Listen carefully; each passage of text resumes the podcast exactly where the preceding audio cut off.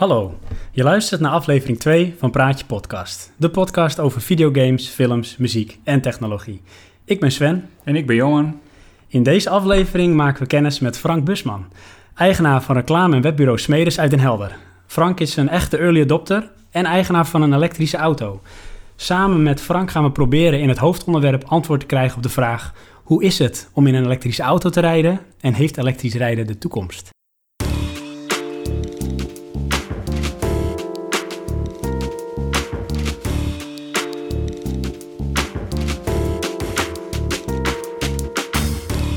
Nou, uh, ja, we hebben dus een gast vandaag.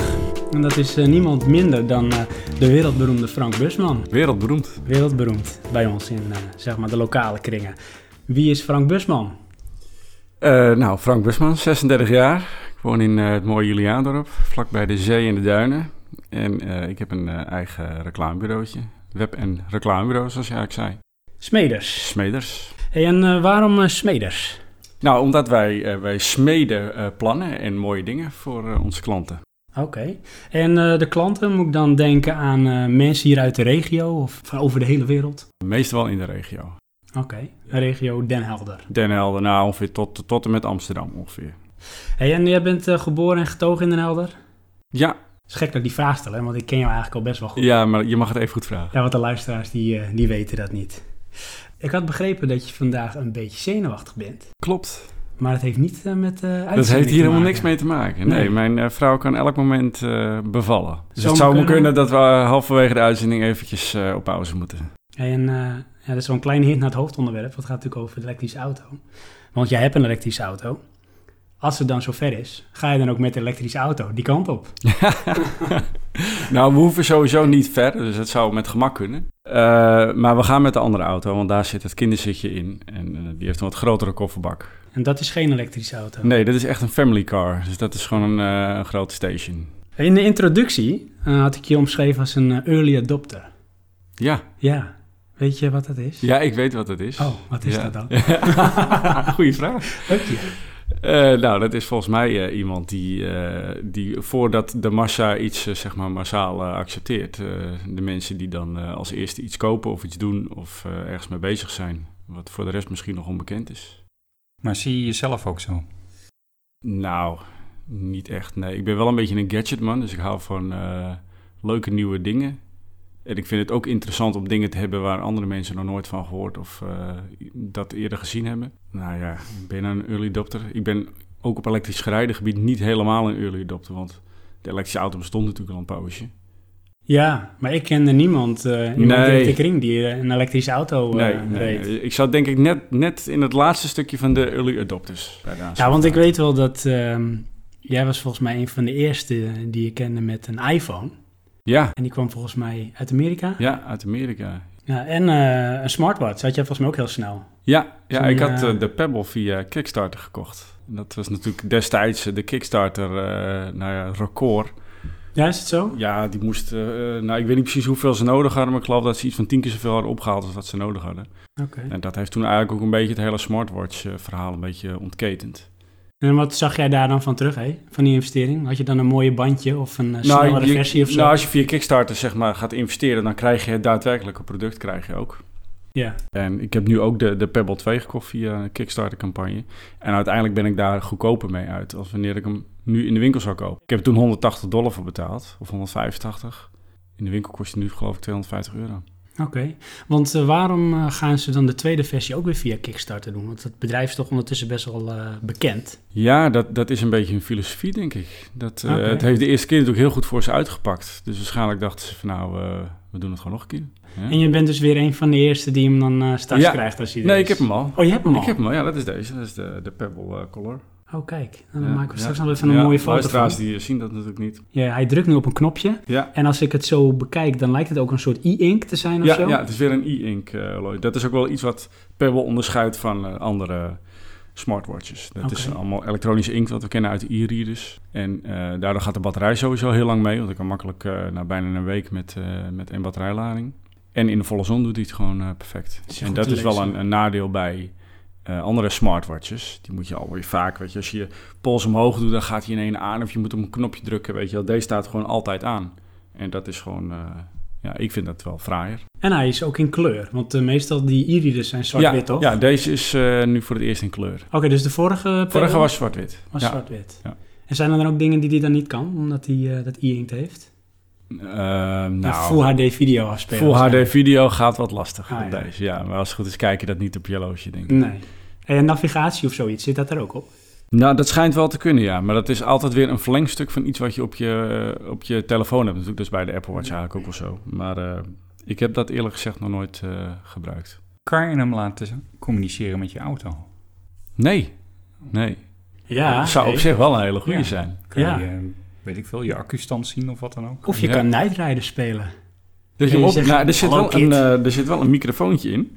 En ik heb me altijd al afgevraagd waarvoor dat microfoontje was. Er zijn helemaal geen apps die dat gebruiken. Maar ik las net toevallig dat er een update is die dus nu ook die microfoon gaat gebruiken. Oké, dus daar zijn ze al eh, zeg maar, bedacht dat ze daarop gaan eh, innoveren. Ja, ja, ja, dat is ook iets typisch wat ik wel veel zie bij Pebble. Dat eh, als je het product koopt, wordt die eigenlijk door updates steeds beter. Zoals er zit een, een in, dat je voelt dat je een berichtje hebt. En voorheen was dat best wel een irritant eh trilfunctie. Weet je, nou eigenlijk hetzelfde wat je kent van je telefoon. En op een gegeven moment was er een software-update geweest. En daardoor hebben ze precies hetzelfde trilmotortje natuurlijk, want dat is natuurlijk niet veranderd. Maar daar hebben ze hem zo aangepast, softwarematig, dat het nu wat meer lijkt alsof er iemand zo op je, op je pols tikt. Oh ja, want dat heeft Apple toch ook met zijn Apple Watch? Ja, ja, maar die heeft dan weer een heel ander systeem voor. Ik denk wel dat dat misschien wel iets vrijer uitgevoerd is hoor. Maar, eh, En je moest geen Apple Watch, want je bent natuurlijk... Nee, nee, je bent helemaal geen Apple fanboy. Dat wilde ik zeggen, maar dat is hij niet. nee, nou ik vind de Apple... Ik heb hem eh, toevallig wel eens eh, in mijn handen gehad. En het, het is een fantastisch mooi eh, apparaatje, maar ik vind hem vrij duur. Waar Apple vooral heel goed in is, in mijn eh, idee, is dat ze... ze vinden eigenlijk niet heel veel nieuwe dingen uit, maar ze zijn heel goed in het combineren van... Weet je, als, als een techniek op een gegeven moment volwassen is, dan pakt Apple die op, die voegt er nog twee andere dingen aan toe die je daar misschien helemaal niet bij eh, gevonden zou hebben. En dan ontstaat er een nieuw product, wat iedereen dan fantastisch vindt. ja, daar zijn ze inderdaad wel heel goed in. En ik vind zelf dat eh, het ziet er altijd af uit. Er is Ja. gewoon over nagedacht. Als je, ik heb hier nu even op dit moment mijn eh, iPhone 6 eh, in mijn handen. Het enige wat ik lelijk blijf vinden is die camera achter. Ja, ja, ik denk dat Steve Jobs die had dat nooit eh goedgekeurd. Nee. Die camera. Maar verder vind ik hem eh, eigenlijk best wel mooi. Hij is af. Ja, Kwaliteit straalt het uit. ja, ja, nou dat vind ik bijvoorbeeld van de, van de MacBook ook. Dat, eh, weet je, er zitten heel veel van die kleine slimmigheidjes in die zo'n apparaat dan net even eh, ja, beter maken dan de, con- de concurrentie. Weet je, bijvoorbeeld dat als je je, je, je stroomdingetje aansluit dat het met een magneetje vastzit. Dat als je tegen je snoertje aanloopt, dat je niet je hele laptop van tafel trekt. Maar dat hij gewoon eruit vliegt. Weet Dat is je, toch handig? kleine handigheidjes. handig, ja. Wil je nu ook een MacBook? Nee, Nee? Oh. ik vind het heel mooi, maar ik, eh, ja, de, de OS, eh, ja, daar kan ik mij niet in kwijt, denk ik. Ja, want dat is wel apart, want jij doet natuurlijk eh, ook voor jouw eigen YouTube-kanaal en sowieso al dingen met, met video en zo, Ja. en bewerking. Daar is toch ook dat gebied Apple best wel goed in. Naar mijn, ja, naar mijn mening is dat ook zo hoor. Apple die ehm, integreert met name de Adobe-pakketten wat beter. Maar ga je naar de 3D-pakketten, dan wordt het moeilijker. Ja, En het is net die combinatie die maak ik. Oké. Ja, en dan kies ik toch voor eh, PC. Dus dat Unity wat je gebruikt, heb je, dat, dat heb je wel voor Apple? Dat is er ook voor Apple. Maar neem je een 3D Max of een eh, Inventor of eh, andere eh, CAD-programma's... waar vandaan ik dus vertaal naar de 3D-app Unity... eh, dan wordt het moeilijk.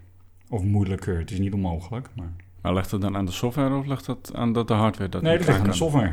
Dat is gewoon die... die ehm, ja, die software is er niet echt voor Apple. Dat is niet... Nee, eh, komt van origine ook van een PC-platform Ja. waarschijnlijk. Ja. Nou, dat is eigenlijk precies hetzelfde waarom grafische pakketten bijvoorbeeld vaak goed met Apple werken. Is dat hè, vroeger in de grafische industrie begon iedereen met, met Apple, omdat dat op dat moment hele krachtige machines waren in vergelijking met PC's. Ja. Tegenwoordig is dat ook, eh, natuurlijk niet meer zo. Nee, maar ik heb het wel, maar dat is wel weer tien jaar geleden hoor, inmiddels, meegemaakt. Dat je wel degelijk het verschil kan merken tussen een Apple Ja, en een vergelijkbare PC, ehm, waarbij eh, een Photoshop gewoon sneller is. Op Apple. Op Apple. En dan hebben we het over dezelfde versie Photoshop. Terwijl de hardware is vaak, eh, kan zelfs nog wel eens op eh, papier minder zijn dan bijvoorbeeld de PC. Ja. Nou ja, die was in dat geval dan eh, gelijkwaardig, vond ik. Maar eh, de performance ging aanzienlijk sneller op de, de, de Apple toen. Oké, nou Frank, eh, we weten al iets meer van jou. Hè, we zullen nog een paar keer even een goede name drop doen voor Smeders. Smeders. Smeders. Smeders. trouwens. Smeders. Oh. Ah. Er Ja. staat ook een leuke foto van de elektrische auto. Kijk, jouw elektrische auto. Mijn elektrische auto staat er gewoon op. Sta jij daar ook bij? Daar sta ik niet bij, want ik maakte de foto. Oké, nou dan wil ik straks van alles over weten. Dus uh, laten we ook verder gaan naar het hoofdonderwerp. En daarin gaan we dus antwoord proberen te krijgen op de vraag: hoe is het om in een elektrische auto te rijden? En heeft elektrisch rijden de toekomst?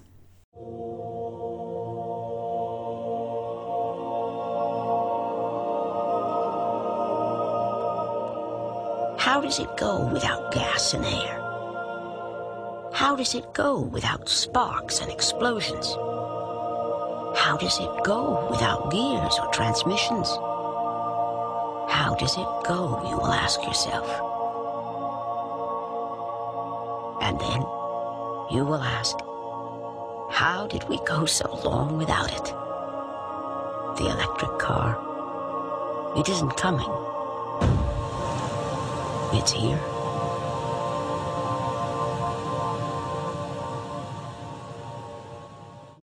De elektrische auto. Nou,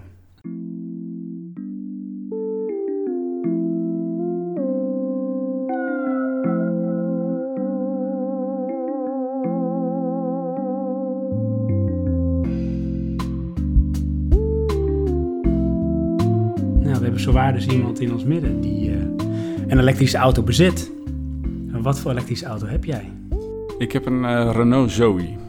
Een Renault Zoe. Renault Zoe. En uh, dat is een elektrische auto, of is dat een variant van een elektrische auto? Nee, dat is echt een uh, volledig elektrische auto. Dus er zit ook geen benzinemotor in, helemaal niks. Puur alleen een batterij en een elektromotor. Oké. Okay. Ook geen uh, een, range extender. Ja, range extender. Nee, nee. nee. deze is er ook niet met range extender. Dat is bijvoorbeeld bij de BMW i3 is dat wel zo.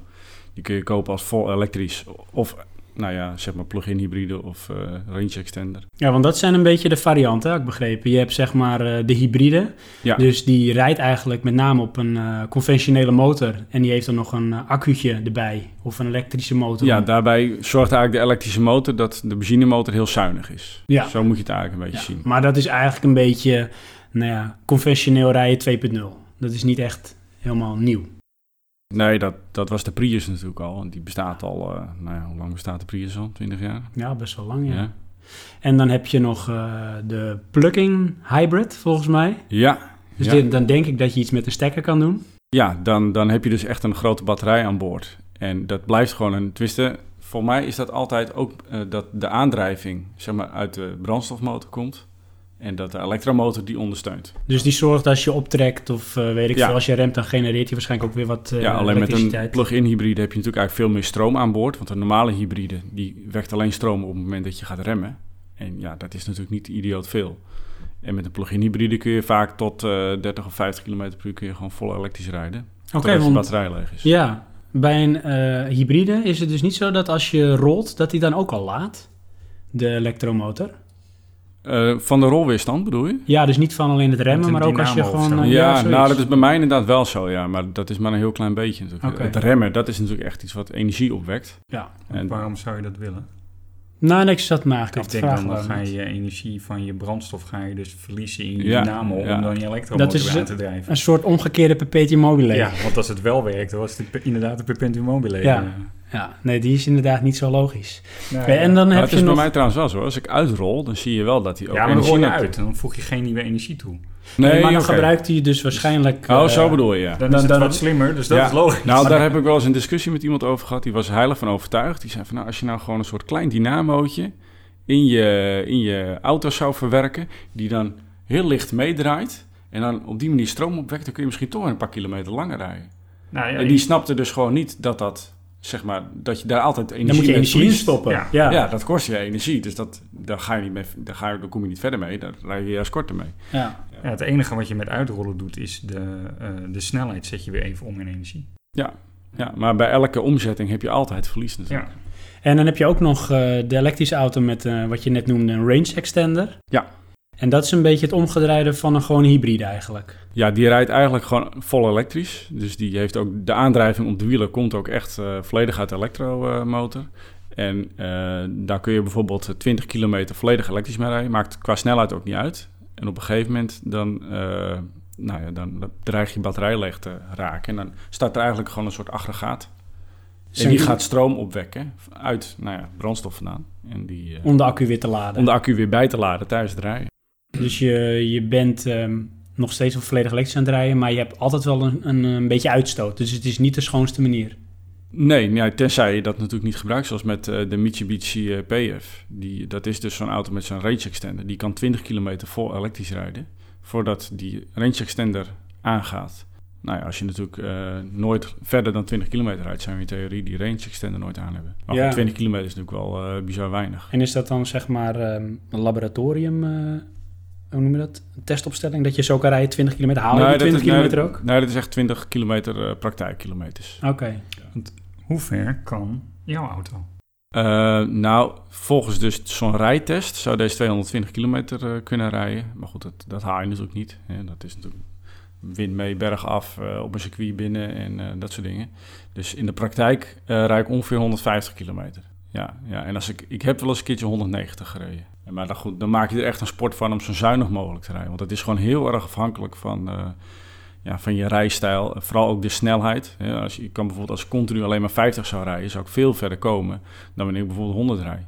En het verschil uh, van energieconsumptie uh, tussen 100 en 110 is ongeveer net zoveel als tussen de 0 en de 60 bijvoorbeeld. Ja. En wat is dan ook de meest ideale snelheid om te gaan rijden?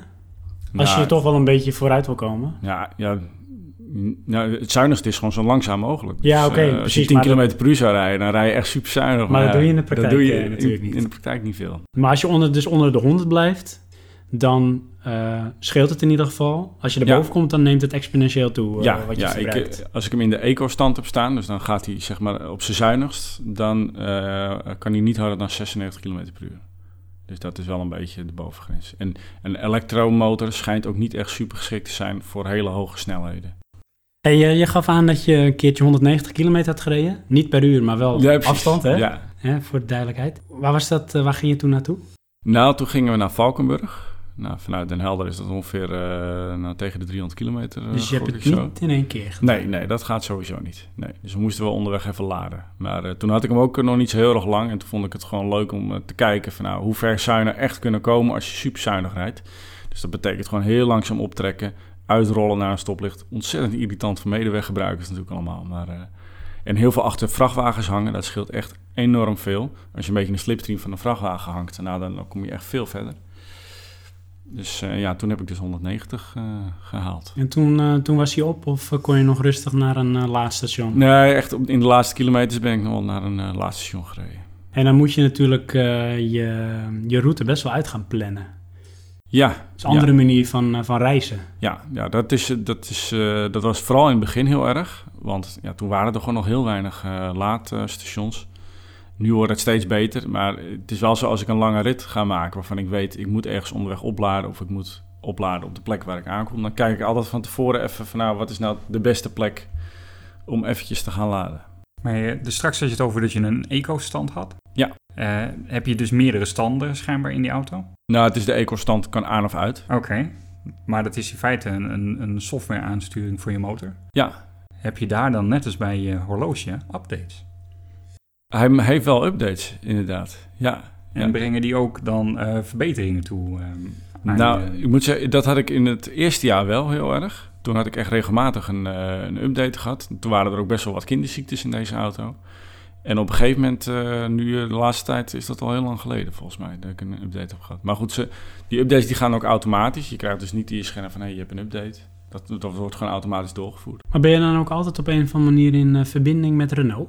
Ja, ja, er zit een internetverbinding uh, aan boord. Dus je soort, weet altijd waar je zit? Ja, ja, ik denk het wel. Ja, want de, de batterij, die, die lease je bij Renault. Hè, zoals als je bijvoorbeeld een Nissan Leaf koopt, kun je ervoor kiezen om de batterij te kopen. Dus dat die bij de auto in zit. En bij Renault kun je er eigenlijk alleen maar voor kiezen om hem te leasen. En uh, die internetverbindingen heb je dus ook nodig omdat de fabriek wil weten hoe het met je batterij is. Dus die houden dat wel continu in de gaten, ja. Ja, maar dan uh, ben je wel gegarandeerd altijd van een minimale rendement van je batterij als je hem leest. Ja, ja als de batterij onder een bepaald prestatieniveau komt, dan uh, wordt die vervangen. Waarom uh, heb je überhaupt in godsnaam een in elektrische auto gekocht? In hemelsnaam. Waarom? Nou ja, ik, ik moest toen op een gegeven moment een andere auto. Want ik had hiervoor een, een leaseauto en die moest ik inleveren. Dus dan ga je een beetje eh, speuren van nou, wat, zijn nou, wat zou nou een leuke nieuwe auto's zijn. En toen had ik al zoiets van, nou, dus dat ik in mijn vorige auto had ik altijd wel zoiets van, nou, het zou zomaar eens kunnen dat mijn volgende auto een elektrische wordt. Weet en wat was je vorige auto voor de kijkers? Nee, de luisteraars? Toyota Auris. Toyota Auris? Ja. Oké. Ja, dat was geen elektrische auto, verder van. En toen dacht je niet van, nou, dan wordt de volgende wordt een Prius. Nee, nee, want ik was eigenlijk wel een beetje uh, Toyota af. Oh, nou dan ben ik natuurlijk wel heel nieuwsgierig waarom. Nou ja, ik, ik hou wel van uh, uh, mooie gadgets natuurlijk. En bij Toyota snappen ze dat toch wat minder goed. Weet je, er zitten toch wel gekkigheidjes in dat ik denk van nou, weet je, als je nou even die twee systeempjes aan elkaar had gekoppeld, dan had dat anders gewerkt en was dat beter geweest. Oké, dat, is, dat zat niet zo logisch in elkaar. Nee, nee, hè, zoals er zit een, een lichtsensor in uh, die dan detecteert of het donker is. En als het donker is, kan hij je licht aanzetten. Nou, dat is natuurlijk heel erg slim. En er zit ook een groot beeldscherm in met een navigatiesysteem. En die moet je dan handmatig inklikken van nou, het is nu donker, ik wil hem even dimmen. Denk ik, nou, er zit een sensor in die auto. Hij, die auto weet of het licht of donker is buiten. Knoopt die twee aan elkaar en Combineer nou het feit. Ja, weet je, dat maakt het toch voor die, voor die bereider gewoon allemaal wat prettiger. Oké, terwijl die Japanners meestal wel uh, goed over hun dingen nadenken, toch? Nou, je hebt er nou wel genoeg bekerhouders in de auto. Kijk, dat kun je nooit onderschatten. dat is het typisch iets van een Japanse auto. Oké, dat hebben Franse auto's minder. Uh, ik heb wel een bekerhouder in deze auto. Ja, twee maar niet zoveel, oh wel twee? Nou, oh. in die Toyota heb je dan zo'n laadje die je in kan drukken. Dat er zo'n klepje naar buiten komt waar je dan je beker in kan zetten. Oké. Dat is bij Kia. Oh ja, Kia op dat ook, ja. Ja, dat wij in de rij, uh, was met jou toch? Daarom gesloopt. Oh, ja. Ja, dat is dan Kia, hè? dat breekt snel af. En toen ja. waren we terug en toen zat hij vast en toen hebben we hem al laten zitten. Ja. Gekke Aziaten. Hey, dus uh, ja, je was uh, in je verhaal van uh, je reed in je leaseauto, je kon oh, je ja. ging kijken van ander. Ja, dus toen ben ik een beetje gaan oriënteren, nou, op internet natuurlijk. En toen, nou, toen kwam ik deze auto tegen. Ja, die had natuurlijk zo'n hoge gadget gehalte. Dat, dat vond ik echt een hele toffe, toffe auto. Gewoon sowieso qua uiterlijk. Maar ook gewoon alle toeters en bellen die erin zitten. Ja, dat, dat sprak mij wel aan. En toen ben ik me daar eens een beetje in gaan verdiepen. En toen kwam ik erachter dat elektrisch rijden eigenlijk wel heel goed bij mijn situatie past. En dat is? Nou, sowieso uh, kon ik me zakelijk aanschaffen. En dan heb je weer allerlei soorten fiscale uh, ja, meevalletjes die je erbij hebt. Ik moet zeggen, dat was toen in die tijd nog een stuk beter dan nu. Want ze hebben wel aardig wat regeltjes weer teruggedraaid. En ik rij in de praktijk niet zo heel veel lange stukken. Dat ik, uh, ik rij eigenlijk nooit meer dan, dan, dan 100 kilometer per dag bijvoorbeeld. Dus ja, in mijn situatie kan ik gewoon altijd binnen het bereik van mijn actieradius kan ik gewoon rijden. En het is dan ja, naar je klanten toe? Ja. Of uh, voor een boodschapje of iets? Ja, ik rij hem ook privé. Dus ik, uh, ik, ik, ga er eigenlijk overal mee naartoe. Oké. Okay. En dan kan je gewoon prima uit met die actieradius? Ja, ja of uh, op locatie ga ik laden of ik pik onderweg een laadpaal. Maar dat, dat gebeurt dus niet zoveel, weet je wel. Ik, ik moet wel eens bijvoorbeeld naar Amsterdam toe of zo. Nou, dan, daar zijn heel veel laadpalen in de buurt. Dus dan ga ik naar mijn afspraak, zet ik hem even van de paal. Dan kom ik terug. Dus mijn batterij weer vol, kan ik weer gewoon naar huis. Oh ja, dat is ideaal. Ja, en uh, hoe lang duurt dat dan even voordat hij opgeladen is? Nou, dat is heel erg afhankelijk van het vermogen van de paal. Uh, want de Renault Zoe is daar even anders in als andere elektrische auto's. Uh, de Nissan Leaf bijvoorbeeld en de, de BMW i3 volgens mij ook. Die kunnen met wisselstroom zeg maar, op een vast vermogen laden. Dus bijvoorbeeld op wisselstroom is het altijd 3 kilowatt wat ze laden. Uh, ongeacht of, of zo'n paal bijvoorbeeld 22 kilowatt kan leveren, laat hij even goed met met 3 kilowatt, want dat zit in die laadsysteem van die auto ingebouwd. En uh, daarnaast hebben ze een snellader, dus gelijkstroom, dat is dan meestal 50 kilowatt. Ja, en mijn auto heeft dus geen gelijkstroom snellader, maar die, heeft, die kan wel snel laden via wisselstroom. Dus als een laadpaal 22 kilowatt kan leveren, dan trekt die auto er ook 22 kilowatt uit. En wat zou het voordeel daarvan zijn tussen wisselstroom of gelijkstroom? Nou ja, in principe is, uh, is, is gelijkstroom eigenlijk beter. Want uh, daarmee zit de lader zit in de paal en niet in je auto. En dat scheelt natuurlijk uh, kosten. Want ja, dat is, is, allemaal techniek wat in je auto moet gebouwd worden en dat kost geld. En het enige wat, wat je eigenlijk in je auto hebt is een stekker die direct naar de, naar de batterij gaat. Dus ze stoppen die 50 kilowatt erop. Die lader die verzorgt de afhandeling van die stroom. En die pompt het gewoon heb ik, rechtstreeks in je accu. dus eigenlijk is dat, is dat een, een beter systeem. Alleen ja, het voordeel van deze auto is dus dat je dus altijd het vermogen eruit kan halen wat erin zit. Dus je hebt bijvoorbeeld nu snelladers die op 43 kilowatt kunnen laden. Nou, dan ben ik bijna net zo snel vol als bijvoorbeeld zo'n Nissan Leaf die 50 kilowatt zit. Maar een Nissan Leaf die bijvoorbeeld in Amsterdam op een parkeerplek wil gaan laden, ja, die staat er echt een hele lange tijd. Oké. Want ja, die kan dus maar met 5 kilowatt of zo kan die laden. Nou, dan ben je best wel eventjes onderweg voordat die vol is. En als ik bij zo'nzelfde laadpaal sta en die kan bijvoorbeeld 22 kilowatt leveren, nou, dan ben ik natuurlijk veel sneller vol. Want hoe lang uh, hè, moet, moet, ik dan aan denken als hij bijvoorbeeld helemaal leeg is en je kan met 22 kilowatt uh, laden, ben je dan ja, binnen 5, 6 uur vol of zo? Nou, dan is, ja, mijn, mijn batterij uh, kan 22 kilowattuur laden. Dus dan ben je even langer dan een uur ben je aan het laden. Want je, je hebt ongeveer 10% verlies, vermoed ik, met laden. Dus nou, even ruim een uur. Wat was het belangrijkste element dat je deze auto kocht? Dat is een goede vraag. Nou, uh, uh, uh, dit was wel sowieso qua uiterlijk de mooiste, vond ik. Sowieso waren er, waren er toen nog niet zo heel veel elektrische auto's. Zeg je dan ook expres sowieso? Sowieso, gebruik ik heel vaak. Want je, je, had dus eigenlijk de Nissan Leaf, maar die was qua prijs alweer veel hoger dan deze. Uh, en uh, je had dan nog een of ander uh, debiel autootje van, van Citroën. Ach, dat zag er niet uit. En die, die reed maar, weet ik het, 50 kilometer elektrisch of zo. Weet je, dat, dat zie je toch wel vaak. Dat zag je ook een beetje bij de, bij de Prius. En dat zie je ook wel bij de allereerste elektrische auto's. Die zien er allemaal een beetje uit als een soort pausmobiel, weet je wel. Dat, ja, dan denk ik... Zoals nou, een kind een auto tekent. Ja, ja, ik heb er gekozen voor deze auto omdat hij uh, qua uiterlijk er gewoon uh, heel mooi uitzag. En ja, deze auto was toen uh, echt zijn concurrenten wel ver vooruit. Ook omdat je echt overal kon laden met deze auto. Dat vond ik wel heel prettig. En uh, omschrijf hem eens, hoe die eruit ziet voor onze luisteraars. Mooi. Mooi, heel mooi. Ja, het is, het is echt een beetje... Renault heeft natuurlijk sinds kort een beetje een nieuwe look. En mm, ja. het is eigenlijk een beetje zoals de Renault Clio, alleen dan wat meer extremer. Ja, want ik heb heel vaak uh, gehad, sinds jij uh, de Zoe hebt, dat ik uh, onderweg dan een Clio zie rijden. En dan denk oh, is het een Zoe? Ja, ja hij lijkt wel een beetje op ja, ja, zeker de voorkant. En dan rijdt hij voorbij en denk je, nee. Ja, maar de Zoe zie je ook heel weinig rijden, hoor, moet ik zeggen.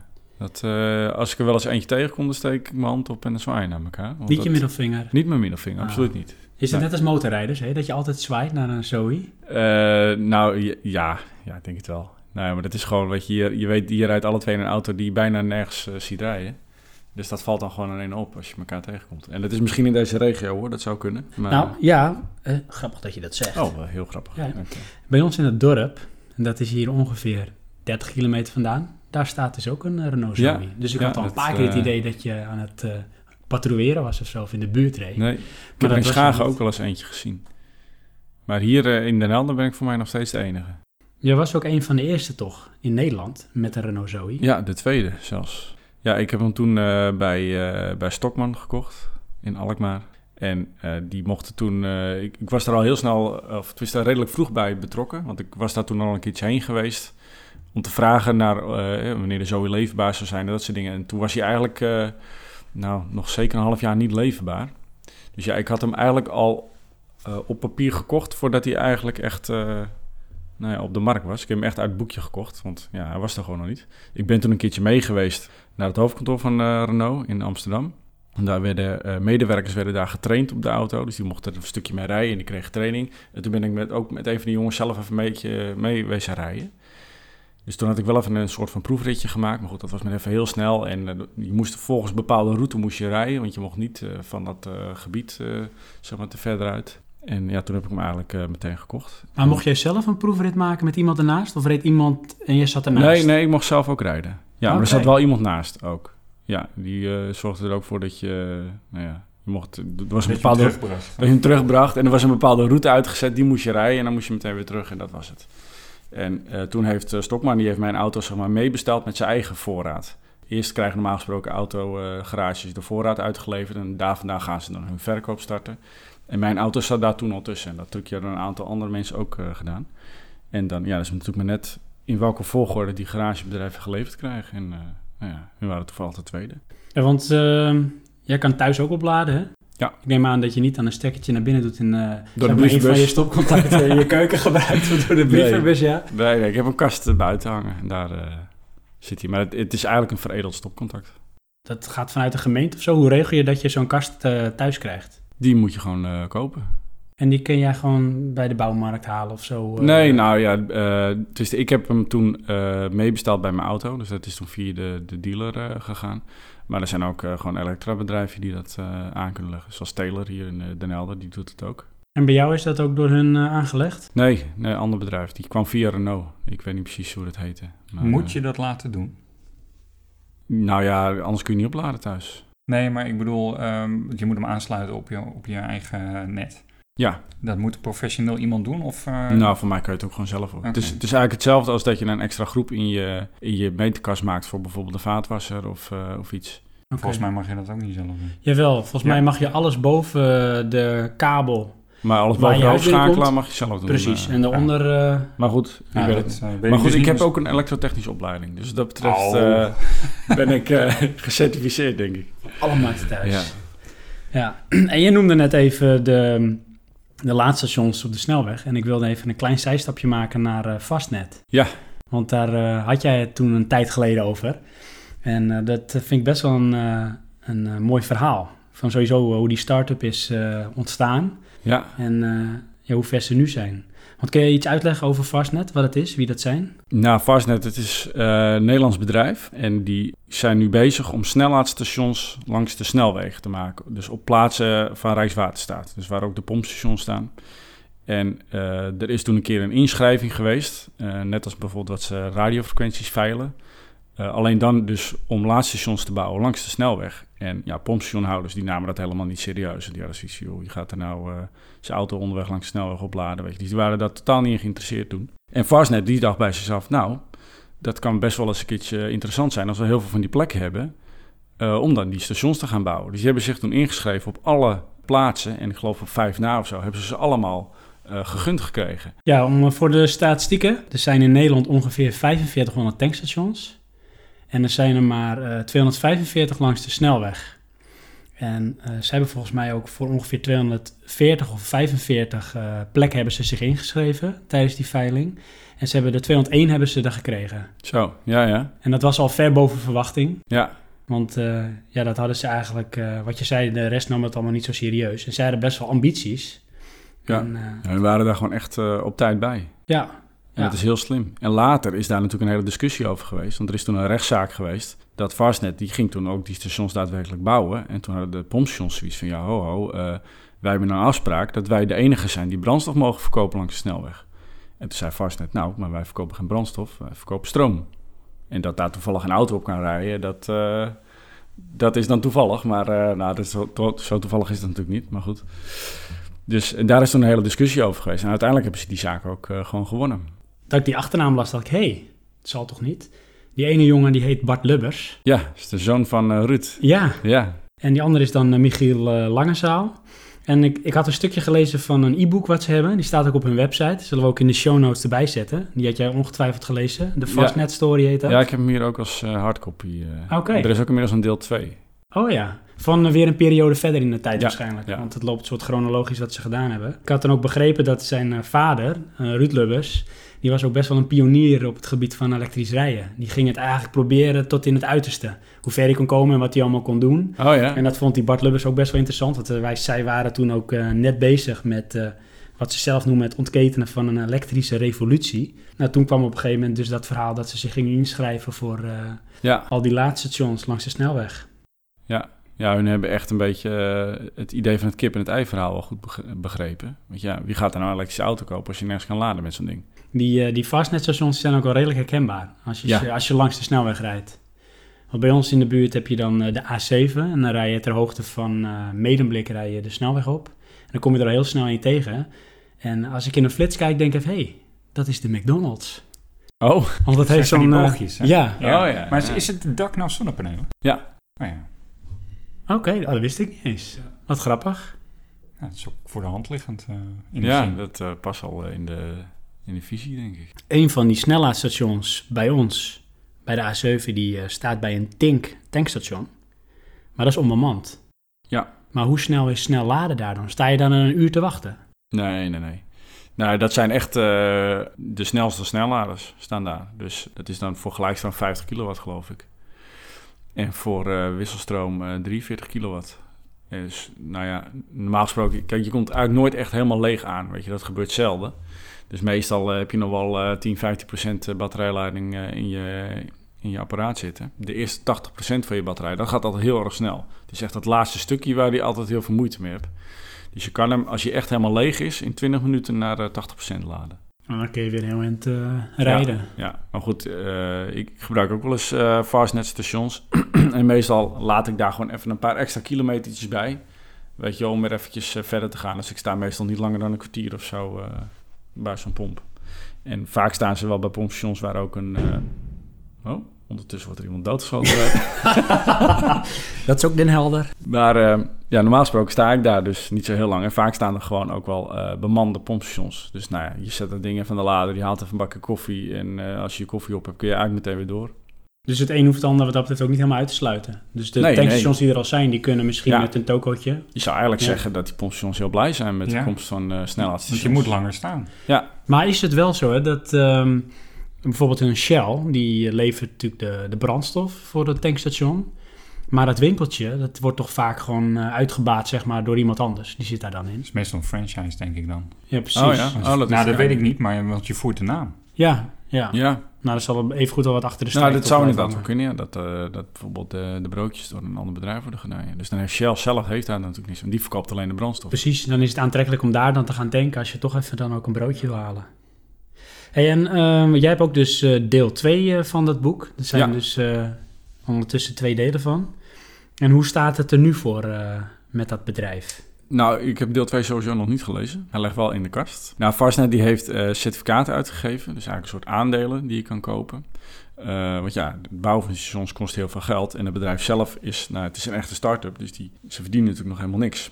Er moeten eerst heel veel elektrische auto's komen, willen hun heel veel geld kunnen gaan verdienen, omdat ze dan heel veel laadsessies verkopen. Uh, dus ze, hebben nu die certificaten uitgegeven om zeg maar vermogen op te halen, om dus die stations te bouwen. En uh, nou, voor mij loopt dat redelijk goed. Voor mij hebben ze nu iets van 40 of 50 stations hebben ze nu gebouwd van de 200. Maar wat is dan hun verdienmodel?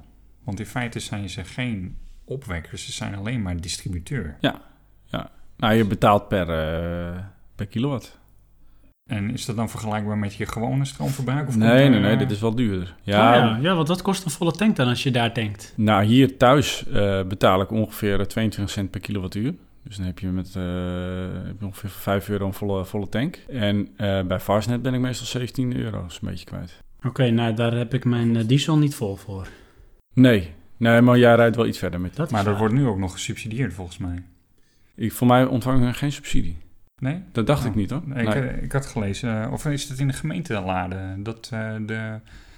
Je hebt ook van die laadstations in, in Alkmaar staan. Ja. Kan dat van de gemeente zijn? Dat is van stichting, ik ben even de naam kwijt. Maar dat was helemaal in het begin hoor, dat dat gesubsidieerd werd. Want toen ik mijn auto kocht, was die subsidieregeling net afgelopen. Want toen was het zo dat als je een elektrische auto kocht, dan zorgde stichting... Nou, ik ben even... Nee, het is jammer dat ik niet op kan komen. Een elektrisch of zo, ja. ja. Die zorgde er dan voor dat er bij jou in de buurt een paal werd geplaatst. Uh, dat werd dan gesubsidieerd, dus de gemeente betaalde dat. En die stichting die handelde ook de, de, de vergunningen en zo af, dat het allemaal geregeld werd. En daar was toen een potje voor en dat potje was op een gegeven moment leeg. En dat is eigenlijk nooit meer aangevuld. Dus als jij een laadpaal bij jou in de buurt wil hebben, dan moet je daar gewoon uh, zelf de vergunning voor regelen en zelf betalen. En dat is natuurlijk maar de vraag of de gemeente daarin mee wil werken. Oké, dus ze zijn niet verplicht om binnen een straal van waar jij woont een uh, paal te hebben staan? Nee, nee. nee. Oké. Nee, je hebt wel kans dat misschien inmiddels er een regel is dat een gemeente zoveel laadpalen in zijn gemeente moet hebben staan of zo. Maar waar ze die neerzetten, zijn ze voor mij gewoon vrij in. En Den Helder heeft ook uh, meerdere laadpalen? ja, ja, nou ik moet zeggen, Den Helder loopt wel aardig achter op andere gemeentes. Uh, het zijn vooral de wat grotere gemeentes die bijvoorbeeld ook targets moeten halen op het gebied van fijnstof, zoals Utrecht en Amsterdam.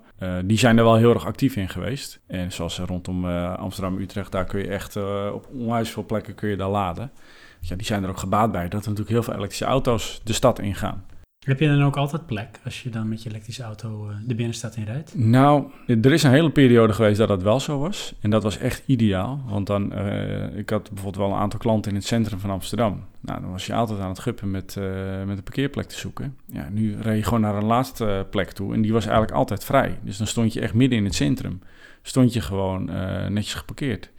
Nou, tegenwoordig is dat niet meer zo. Ten eerste omdat er heel veel elektrische auto's inmiddels zijn. Dus ja, er staan ook vanzelf heel veel elektrische auto's te laden. Dus het komt gewoon heel vaak voor dat, eh, dat een paal al bezet is. En wat gewoon echt heel veel gebeurt, eh, is dat er gewoon benzineauto's op zo'n eh, plek gaan parkeren. En dat mag? Officieel is daar geen, eh, is het niet verboden. Want er staat wel een paal van uitsluitend voor elektrische auto's. Maar het is meer een verzoek dan dat het in de wet staat. Weet je als je bijvoorbeeld op een invalide parkeerplek gaat staan, dan kun je daar een bekeuring voor krijgen, want dat mag niet. Maar dat is bij een parkeerplek voor elektrische auto's is dit niet zo. Dus je mag hem, met een benzineauto mag je daar gewoon je auto parkeren. Apart. Ja, dat is wel iets wat, eh, wat eh, voor het mooie veranderd zou moeten worden. Ja. En denk je dat dat ook gaat gebeuren? Nou, dat duurt nog waarschijnlijk wel heel lang. ik niet in de stad Nee. als Amsterdam. Is wel wel scheid? Nou ja, Maar- dat maar ik zou... bedoel, waar parkeren al een, een ding is, eh, dan in feite maak je dus de parkeernood dan een beetje kunstmatig hoger. Ehm, Behalve voor een, een bepaalde groep. Ja, nee, wat ik, ik vind het mooi juist van die grote steden dat je nu steeds meer PNR-plek hebt, zo'n park en ride. Dus aan de rand van een stad, bijvoorbeeld in Amsterdam bij Sloterdijk of Arena, dan eh, kun je daar je auto parkeren voor een gereduceerd tarief. En dan krijg je daarvoor in ruil dus eh, een retourtje met openbaar vervoer naar het centrum. Oh, ja. allemaal daarmee- volgens mij ook. Ja, die hebben ook park en ride. En daarmee meid je dus zoveel mogelijk auto's uit de binnenstad. En dan kan ik me voorstellen dat je dan juist voor elektrische auto's die toch eh, zo nagenoeg schoon zijn, dat die wel gewoon lekker eh, de stad in kunnen en eh, Ja. meer plek hebben op die Ja, of eh, gewoon heel veel eh, laadpalen bij zo'n park en ride zetten. Ja, En dat je er gewoon weet dat, dat je de auto kan laden. En het laatste stukje doe je met de trein. en je gaf het net al aan, hè? het is niet je enige auto. N- Nee. Dat zou je wel willen. Nou, ik vind het op zich wel handig om twee auto's te hebben hoor. nee, we hebben hiernaast nog een eh, Renault Megane Station. Oké, en bewust ook een Renault. Eh, ja, nou daar hebben we wel naar gekeken. Ja, ja we zijn eh, wel, eh, mijn vrouw had hiervoor een Twingo. En ja, we hebben gewoon wel hele goede ervaringen met Renault tot nu toe. Oké. En het zijn ook gewoon mooie auto's. Maar die is dus niet elektrisch? Nee. Zou dat wel kunnen? Qua gebruik, gebruik bedoel ik dan? Oh zo, ja. Ja, want zoveel rijden we er ook niet mee. Nee, want zij werkt ook in Den Helder. Dus het is niet dat die auto bepaalde moeilijkheden afvangt die je bij een Nee. elektrische auto zou hebben. Nee, nee. Maar je zit natuurlijk dan met een ding als eh, de, de ruimte die je hebt in zo'n auto. Ja. Want de meeste elektrische, volledig elektrische auto's, die, dat zijn geen familieauto's. Of eh, zijn die er wel? Nou, die zijn er wel, maar dat zijn wel hele dure auto's. Zoals bijvoorbeeld nu, wat laatst is de, de Tesla X of zo, geloof ik. SUV. Ja, dat is een, eh, echt een hele grote SUV. Op eh, schuivende deuren naar boven. Ja, ja, dat ding ziet er wel kick uit natuurlijk. Maar goed, ja, dat, Dus eh, ja, oké, maar dan zit je in de prijsklasse van een Jaguar of een Maserati te kijken. ja die zitten wel rond de ton volgens mij, die auto's. Dus nee, de, de, ja, de Leaf is voor mij wel even wat groter dan de, dan de Zoe. Nou, zo, anders zou ik niet eh, 1, 2, 3 een andere echt elektrische gezinsauto eh, voorstellen. Nee. Het zijn echt stadsauto's hè, eigenlijk. En dat, eh, dat zijn toch vaak wat kleinere auto's. Dus dit, deze is een beetje te groot van de Clio. Die, eh, de Zoe. Zoe, eh, ja. ja. ja. Maar zijn er ook dingen die je echt tot nu toe gewoon zijn tegengevallen? Of waar je na een tijdje achter kwam van, nou ja, dat is niet allemaal Hosanna. Nou ja, van, van, de, van specifiek deze auto valt mij het eh, navigatiesysteem een beetje tegen. En dan hebben we dan R-Link, dat is een soort tablet wat erin zit, waar allerlei soorten apps in kunnen en zo. Nou, in de praktijk werkt dat gewoon niet zo goed. Dat is gewoon een, een beetje een traag ding. Nou, wat ik zeg, die, die eh, navigatiesysteem wordt niet echt eh, super up-to-date gehouden. Weet je wel, dat, ik, ik ga niet blind op die gegevens over laadpalen die daarin staan. Maar goed, dat is dan typisch iets van deze auto. En dat zal misschien met andere elektrische auto's niet zo zijn. Maar het elektrisch rijden aan zich, daar, eh, nee, dat vind ik wel eh, nog steeds wel fantastisch. Je hoeft er niet ook aan te wennen, want rijdt het heel anders dan een eh, gewone auto? Ja, nou, het rijdt veel soepeler. Eh, bij een gewone auto, daar, daar voel je veel meer trillingen. Weet je wel, de motor is natuurlijk stil qua geluid, maar ook stil qua, qua trillingen. En je hebt eh, een, een continu koppel. Vanaf 0 tot aan eh, 120 trekt hij gewoon net zo hard door. Je voelt geen overgang, je voelt niks schakelen. Weet je, de motor zit natuurlijk direct op de wielen. Ja, dat, dat draait wel eh, veel soepeler en lekkerder. Dus ja, het is ook altijd een, een, eh, een automaat, een elektrische Ja. auto. Ja, Dat ja. valt niet veel te schakelen. Er valt weinig, nee, er zit, geen, eh, er zit ook helemaal geen transmissie in. Dus ook minder onderhoud. Ja, dat is wel echt een groot voordeel van elektrisch rijden. Ik heb, ben nu één keer voor een grote beurt geweest en die had mij nog geen 100 euro gekost. Ja, er zit ook niks in. Er zit geen olie in. Er zit geen transmissie in. Het is echt gewoon eh, een batterij en een motor. En die motor zit direct op je wielen. Maar wat is dan je onderhoudskosten? Waar ben je dat aan kwijt? Nou, wielen of zo? Nee, nou gewoon de manuren. Ja, de rest dan. ja. En de lagers Checks. en zo. En eh, je hebt alleen maar een stukje overbrenging dus van je motor op je wielen. Ja. Daar zou misschien iets van Ja. slijtage kunnen Ja, zijn, zoals-. Je remmen die slijten ook niet. Of nauwelijks. Want ik heb wel gewoon schijfremmen. Maar het, het gros remt die met eh, terugwinnen, zeg maar. Nou, op de motor. motor. op de motor. En dat, eh, ja, dat, dat slijt natuurlijk niet, want dat is gewoon magnetisch. En dat, dus ik heb bijvoorbeeld ook nooit van die zwarte velgen, weet je, dat er allemaal remstof en zo op zit. Dus ja, het is, qua onderhoud is het echt fantastisch. Ik hoor alleen maar voordelen. Ja. Is er niks wat je mist? Al is het maar een, een ritueel. nou, wat ik me dan zo voor kan stellen is uh, met een, uh, een brandstofmotor, je stapt in, je gaat er klaar. En dat is nu dus een klein beetje anders. Je plant het een beetje van tevoren. Ja. Neemt dat een stukje vrijheid weg, gevoelsmatig? Nou, nee, zo ervaar ik dat niet. Nee. En misschien andere mensen wel hoor, maar ik heb er persoonlijk niet zoveel moeite mee. Nou, als ik uh, met mensen over een elektrische auto praat, dan hoor je altijd hetzelfde argument van ja, het is wel leuk, maar daar kan je niet mee op vakantie. Want je kan niet zo ver. Nou, je kan sowieso niet met een caravan op vakantie, want uh, je kan niks trekken. Wat? Wat? Oké, okay, deal is off. dus dat is al een dingetje. Ja, ja, kijk, je kan er natuurlijk wel mee op vakantie, maar praktisch is het natuurlijk niet. Want ja, als je natuurlijk uh, naar uh, Zuid-Frankrijk gaat, dan moet je echt onderweg al een paar keer laden. Dus ja, dat zou ik niet zo snel met deze auto doen. Maar wordt er dan misschien ook onterecht een directe vergelijk met een gewone auto gemaakt? Want misschien moet je het ook gewoon niet als hetzelfde zien. Want jij zegt van de meeste auto's die nu elektrisch zijn, zijn echte stadsauto's of ja. korte afstanden. Dus daar moet je hem ook gewoon voor gebruiken. Zo'n soort uh, voertuig is het dan wat dat betreft. Ja, zo moet je, ja, misschien moet je het ook niet zo vergelijken met een... Uh... Ja, maar dan creëer je een markt door beperking.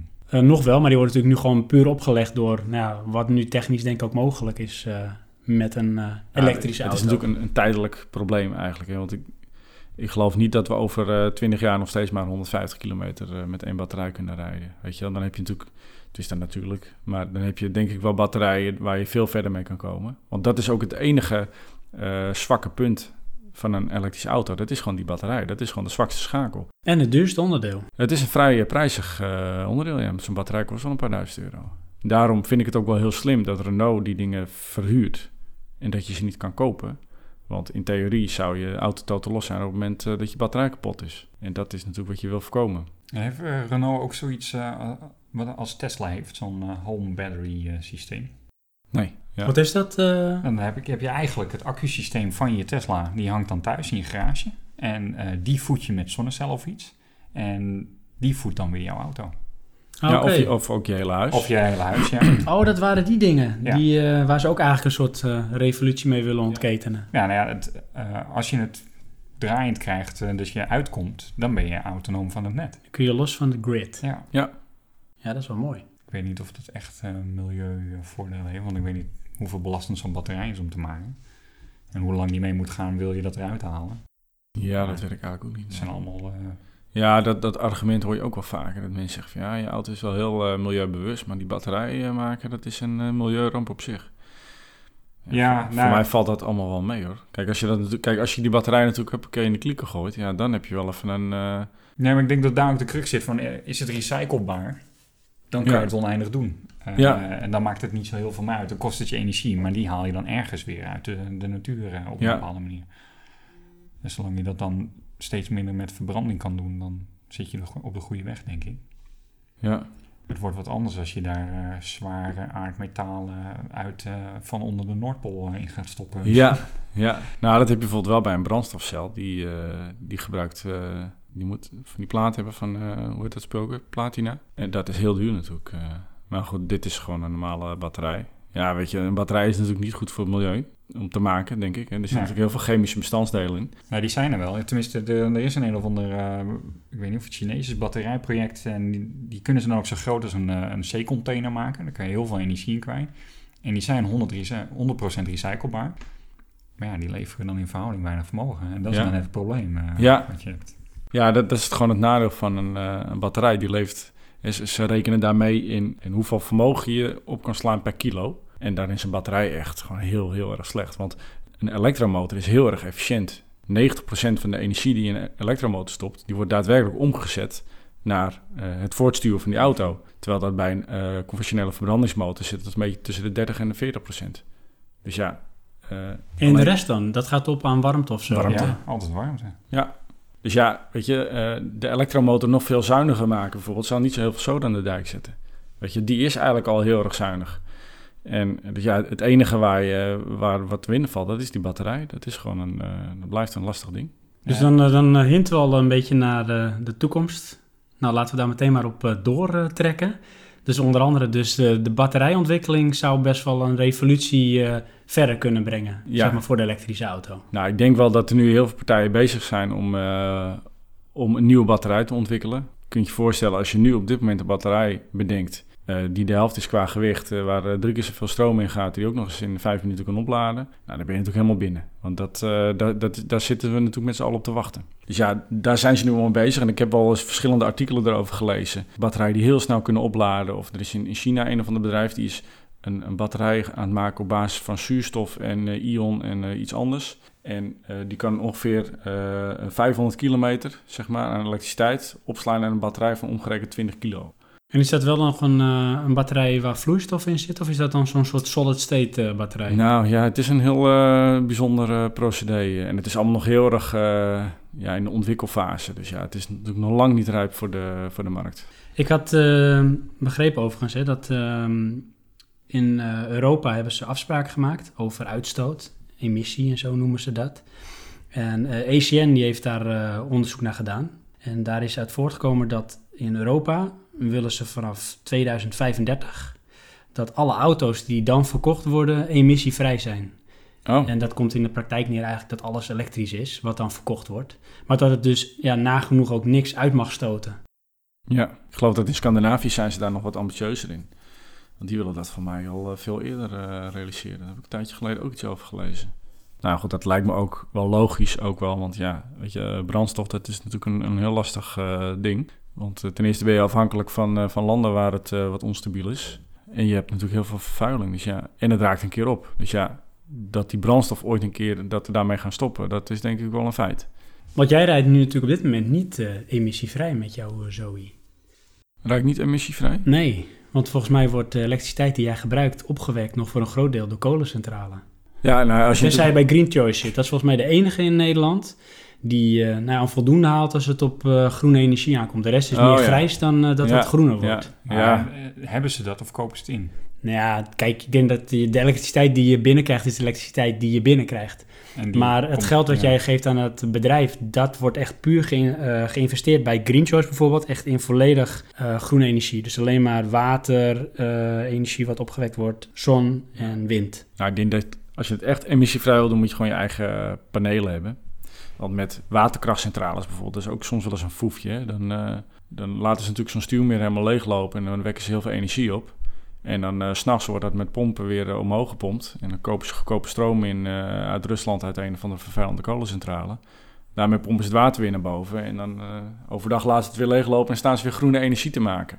Dus ja, het is natuurlijk wel... eh, het is, ja, ik denk als je het echt emissievrij wil hebben, dan moet je gewoon eigen zonnepanelen hebben. En gewoon je eigen energie opwekken. En dat kan hoor, want dat, eh, die techniek is wel. Bijvoorbeeld met zo'n home battery, dan eh, heb je overdag, want je overdag verbruikt natuurlijk niet zoveel stroom, want ja, dan ben je op je werk. En dan eh, staat het ding gewoon vol te laden en s'avonds haal je alles uit die batterij vandaan. Ja, want dat is natuurlijk de, de kunst. Als je nu eh, zonnepanelen op je dak hebt staan, je slaat die energie natuurlijk niet op. Nee, dat lever je terug en dat, eh, dat is best wel zonde eigenlijk. Ja. En hoe denk jij daarover? Eh, sorry, in welke eh, richting bedoelen we dan? Nou, ben jij zeg maar, als, je, als het op bijvoorbeeld emissie vrijkomt en eh, het leveren van duurzame energie en stroom, ben je daar wat sceptisch in dan? Of eh, zie je Eh, dat ik zich wel denk goed dat het ontwikkelen? mo- momenteel is het gewoon een economisch spelletje. Eh, ergens wordt er energie opgewekt wat ergens ja, het beste is voor het milieu. Want uiteindelijk, we, doordat wij leven, zijn we belastend. Maar dat betekent niet dat ik er tegen ben of zo. Het is meer, ehm, het is gewoon nog niet ver genoeg dat we kunnen zeggen we rijden emissievrij of we, we Ja. wekken het eh, emissievrij op. Ik denk dat het wel komt, maar dat zal langer duren als dat we willen. En dat, maar dan komen we denk ik bij een politiek spel van eh, of een economisch spel. Wie gaat dat bepalen? Ehm, misschien dat we dat afdwingen met vraag en aanbod. Als eh, het hele land zegt we willen het niet meer, dan eh, Hm. zal er misschien een alternatief moeten komen. Ja, wat denk je dat dat dan eh, vanuit eh, zeg maar de particulieren komt? Mensen als jij en ik? Of is dat meer vanuit de industrie? Oh, eh, nou, ik denk dat eh, particulieren het zullen moeten gaan afdwingen. Want de industrie die, eh, kiest de weg van de minste weerstand. En olie en gas is dan momenteel nog erg makkelijk. Ja, dat was het eigenlijk. Die end. lekker Ja. kort. Hey, want het is namelijk ook zo. Dat uh, in datzelfde onderzoek van ECN komt ook naar voren. Daarom is er onderzoek naar gedaan. De Europese transportsector moet in 2050, en dat klinkt nog heel ver weg, maar dat is sneller dan je denkt, uh, moet ze 60% minder CO2 uitstoten dan nu. Ja, maar dat is allemaal heel, ook best wel makkelijk te behalen als we weer gaan varen. Als we al die soja op uh, boten zetten, daar is de, de uh, vermogens die je nodig hebt om het te transporteren ligt veel lager. Dus dan heb je veel minder brandstof nodig.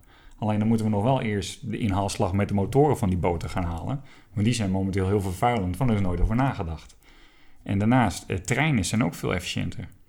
Ja, want zij zeggen van uh, vliegtuigen, schepen en vrachtwagens, die zullen daar maar weinig aan bijdragen, omdat ze volgens uh, eh, ECN dan in dit geval, die het onderzoek heeft gedaan, nog steeds uh, van conventionele brandstof afhankelijk zullen blijven. Ja, je hebt wel een beperking in je vermogen als je naar elektrisch gaat. Dus je kan al geen, noem je dat, caravan trekken. Nou, dan zie ik zo'n vrachtwagen ook niet zo gaan vervangen worden door uh, elektrisch. Nou, in theorie kan het wel, zoals die Tesla uh, X. die kan dus wel een uh, caravan trekken. Ja, precies. Maar ik bedoel, bij hele zware lasten wordt het dan wat moeilijker ja. om dat over Nou, er zijn ook elektrische vrachtwagens. Dus toevallig in Alkmaar, meen ik, een verhuisbedrijf... dat rijdt met elektrische vrachtwagens. Oké. Dus dat, dus dat, is wel dicht kan wel. ik denk in ieder geval. Ja. Die is dan helemaal, zeg maar, bezaaid op de bodem met accu's. Ja, die zullen wel op accu's. Uh, nou, ik denk bijvoorbeeld daar is uh, waterstof wel een hele goede voor. In waterstof kun je ontzettend veel energie opslaan. En je hebt eigenlijk maar relatief lichte kleine tanks nodig om dat mee te nemen. En daar kun je best wel een hele hoop elektriciteit mee opwekken. Ja, want hoe, uh, hoe werkt dat anders hè? dan bijvoorbeeld een lithium-ion batterij? Als je een, een waterstof of een brandstofcel hebt, hoe zit dat dan? Nou ja, de, de, de brandstofcel is eigenlijk een vervanger van een, een accu. Ja, want waterstof is een energiedrager. Het is niet iets waarmee je het is geen energie op, op zich, zeg maar. Uh, waterstof moet ook geproduceerd worden in een, in een fabriek. Uh, dus eigenlijk, je hebt een tank waterstof, dat gaat naar een brandstofcel. En die brandstofcel, uh, die maakt er elektriciteit van. En met die elektriciteit gaat die auto dus rijden. Dus het is eigenlijk gewoon een elektrische auto, alleen dan heeft hij in plaats van een batterij heeft hij een brandstofcel. En dat is dat, het proces is dat elektrolyse. Dus dat je het gaat ontleden in uh, zuurstof, en, waterstof en, waterstof en elektriciteit. Ja. En wat je uitstoot is gewoon waterdamp. Ja. Maar dat is dus de andere kant op wat je nu zegt. Ja, nee, wacht even. Je hebt waterstof. Je hebt waterstof, je voegt er zuurstof toe en daar krijg je energie van. En dat wordt dus water. En dat stoot je uit. Oh, Oké, precies. En om het te maken is... ja, om het te maken is het andersom. Dus heel veel, en dat, dat is wel het nadeel van, uh, van waterstof. Je hebt ontzettend veel energie nodig om waterstof te kunnen maken. En zolang die energie natuurlijk allemaal uit groene bronnen vandaan komt... Uh, is dat op zich niet zo heel erg. Maar uh, de efficiëntie van een waterstofauto is nog minder dan 20% geloof ik.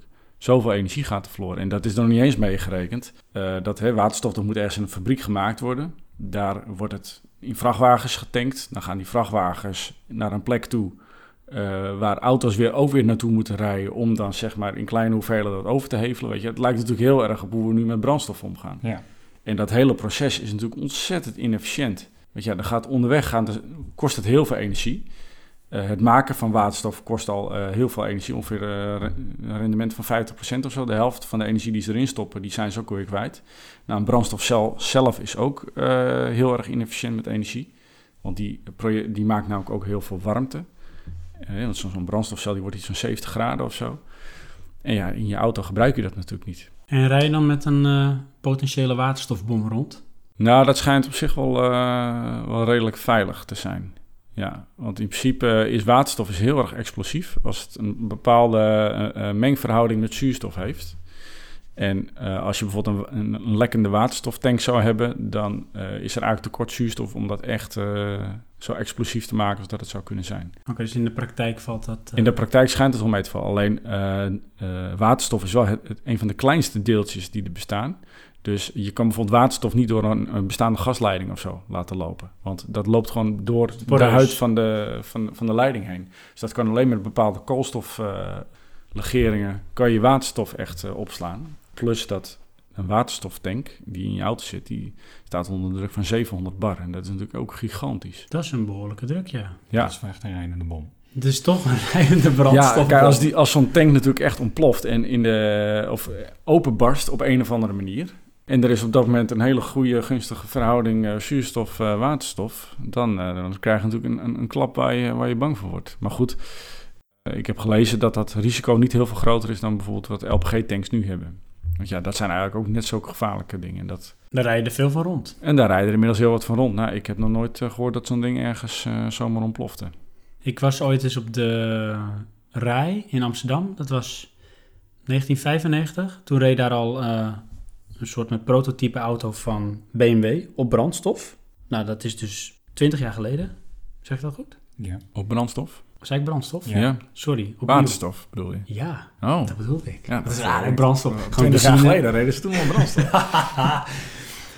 Maar het punt was in ieder geval, dat was dus 20 jaar geleden, maar toen was er al heel veel buzz rondom eh, waterstof. Maar toch is het niet eh, gemeengoed op dit moment. nou, dat is dus nu een beetje aan het veranderen. Toyota heeft de, de Mirai. Die is eh, pas eh, geïntroduceerd. Die wordt straks verkocht in eh, Japan en in de Verenigde Staten. En Honda, die is, het zijn vooral de Japanse merken die er echt in, eh, in geloven. Hyundai heeft er ook een schijnbaar. Hyundai, oké, dat zou wel kunnen, ja. En ja, het is nu eigenlijk dat, dat de brandstofauto echt een beetje, nou ja, productie klaar is. En nou, de eerste echte productieauto's zijn er dus. Maar goed, ja, eh, waterstof die, dat heeft ontzettend veel eh, nadelen eigenlijk. Het grootste voordeel is denk ik je energiedichtheid. Ja, ja dat het, is de enige het, enige, het wil, het enige voordeel is, is dat je eh, drie, vier minuten nodig hebt om te tanken en je kan 500 kilometer rijden. En dat is natuurlijk iets wat bij een elektrische auto die met een batterij werkt, die heeft dat niet. Maar goed, dat, ja, ik denk persoonlijk dat dat een kwestie van tijd is.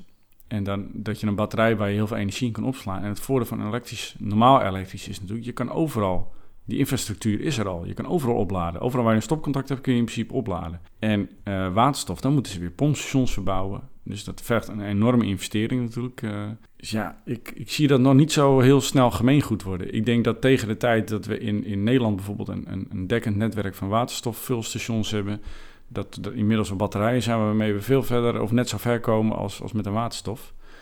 Eh, of met een, met een brandstofcel. Plus je hebt natuurlijk in je auto weer veel meer techniek liggen. Want ja, je hebt natuurlijk eh, die, die, die waterstoftanks, wat natuurlijk al eh, redelijk eh, prijzig geheel is. Je hebt zo'n brandstofcel in je auto, weet je wel. Als je gaat kijken joh, wat er allemaal in zit in zo'n auto, dat is gigantisch. Terwijl dat een, een, een normale elektrische auto is natuurlijk gewoon echt, nou ja, wat ik net al vertelde, heel erg simpel. Weet je, wel. je hebt, een, je hebt een batterij en je hebt een motor. En dat is het eigenlijk. Misschien moeten we dan naar betere zonnecellen. Dan maak je gewoon je auto van zonnecel. Dan Ja, heb je dus minder eh, vermogen wat je mee hoeft te nemen, want dat laat je tijdens het rijden op. Ja, Alleen want, s'nachts. ja, er zijn volgens mij toch ook auto's die een eh, dak hebben van eh, zonnepanelen. Ja, als je zeg maar die eh, van eh, TU Delft hebt en zo. Maar volgens mij zag ik eh, laatst ergens in een autogarage ook een soort sportieve auto. En ik weet niet of het nou een elektrische auto was. Maar die had dus een dak. En eh, nou, dat zag wel heel verdacht veel uit als eh, eh, zonnepanelen oh die ja. erop zaten. Ja. Maar ja, daar kan je natuurlijk nooit eh, voldoende energie mee opwekken om die Ja, eh, ik heb die vraag echt al heel vaak gehad. Van, nou, waarom heb je niet een dak van eh, zonnecellen? Dan kun je toch veel verder rijden. Maar voor mij heeft het ook iets te maken met... Heb je natuurlijk die zonnecel die heb je op je auto leggen. Je hebt er nog een extra apparaat voor nodig. Omdat, eh, zeg maar... eh, je neemt ook weer extra gewicht mee. En ja, staat dat dan... En plus dat dat natuurlijk extra veel kost. En staat dat dan in verhouding met wat je er dan verder mee kan rijden? Ja, want dan ben ik wel nog even benieuwd naar, naar eh, jouw Zoe. Hoe zwaar is die auto? Die is redelijk zwaar. Die is 1400 kilo. Dat is best wel, dat is gewoon meer dan mijn eh, gezinsauto. Ik heb een Volkswagen Touran en dat is een diesel. En die is denk ik 12 of 1300 kilo, dus daar ga je gewoon nog overheen. En die is, nou jouw auto is denk ik de helft kleiner.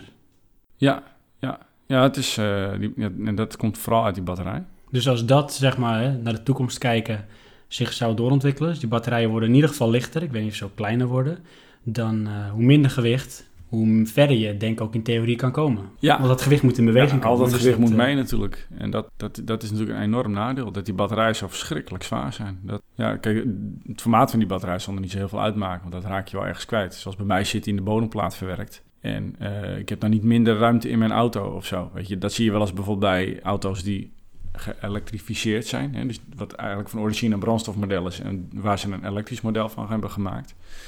Eh, zoals de Toyota Auris, eh, daar heb je ook een hybride versie van. Eh, nou, die hebt dus gewoon minder kofbak, omdat daar al die batterijen in liggen. Oh ja, dus die... maar als je daar de, natuurlijk in de bouw van de auto al rekening mee houdt, dan kun je zo'n batterij makkelijk wegwerken. Je hebt eh, TU, Delft, TU Delft is volgens mij, maar dat weet ik niet zeker, die hebben een motor gemaakt. En dan kan je dus het aantal batterijen uit weghalen of toevoegen.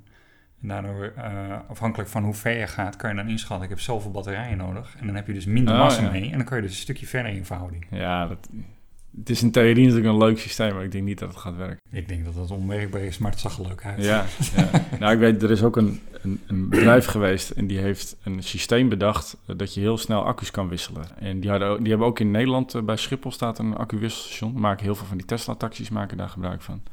En dat was in theorie ook echt een eigenlijk heel slim systeem. Want ja, je rijdt eventjes langs zo'n pompstation, moet je maar even zien. En het is klik-klak, accu'tje erin, accu'tje eruit. En je kan weer verder. Maar op de een of andere manier is dat ook nooit echt iets geworden. Nou, het probleem is misschien, je krijgt de oude gare accu van iemand anders. Ja, maar als je dat natuurlijk allemaal bij dezelfde maatschappij leest bijvoorbeeld, dan maakt het niet uit. Want dat uh, klinkt eigenlijk heel logisch in de oren inderdaad. Een soort pitstop. En uh, in het mooiste geval is het helemaal geautomatiseerd. Ik zie me dan een soort constructie vormen, daar rij je in.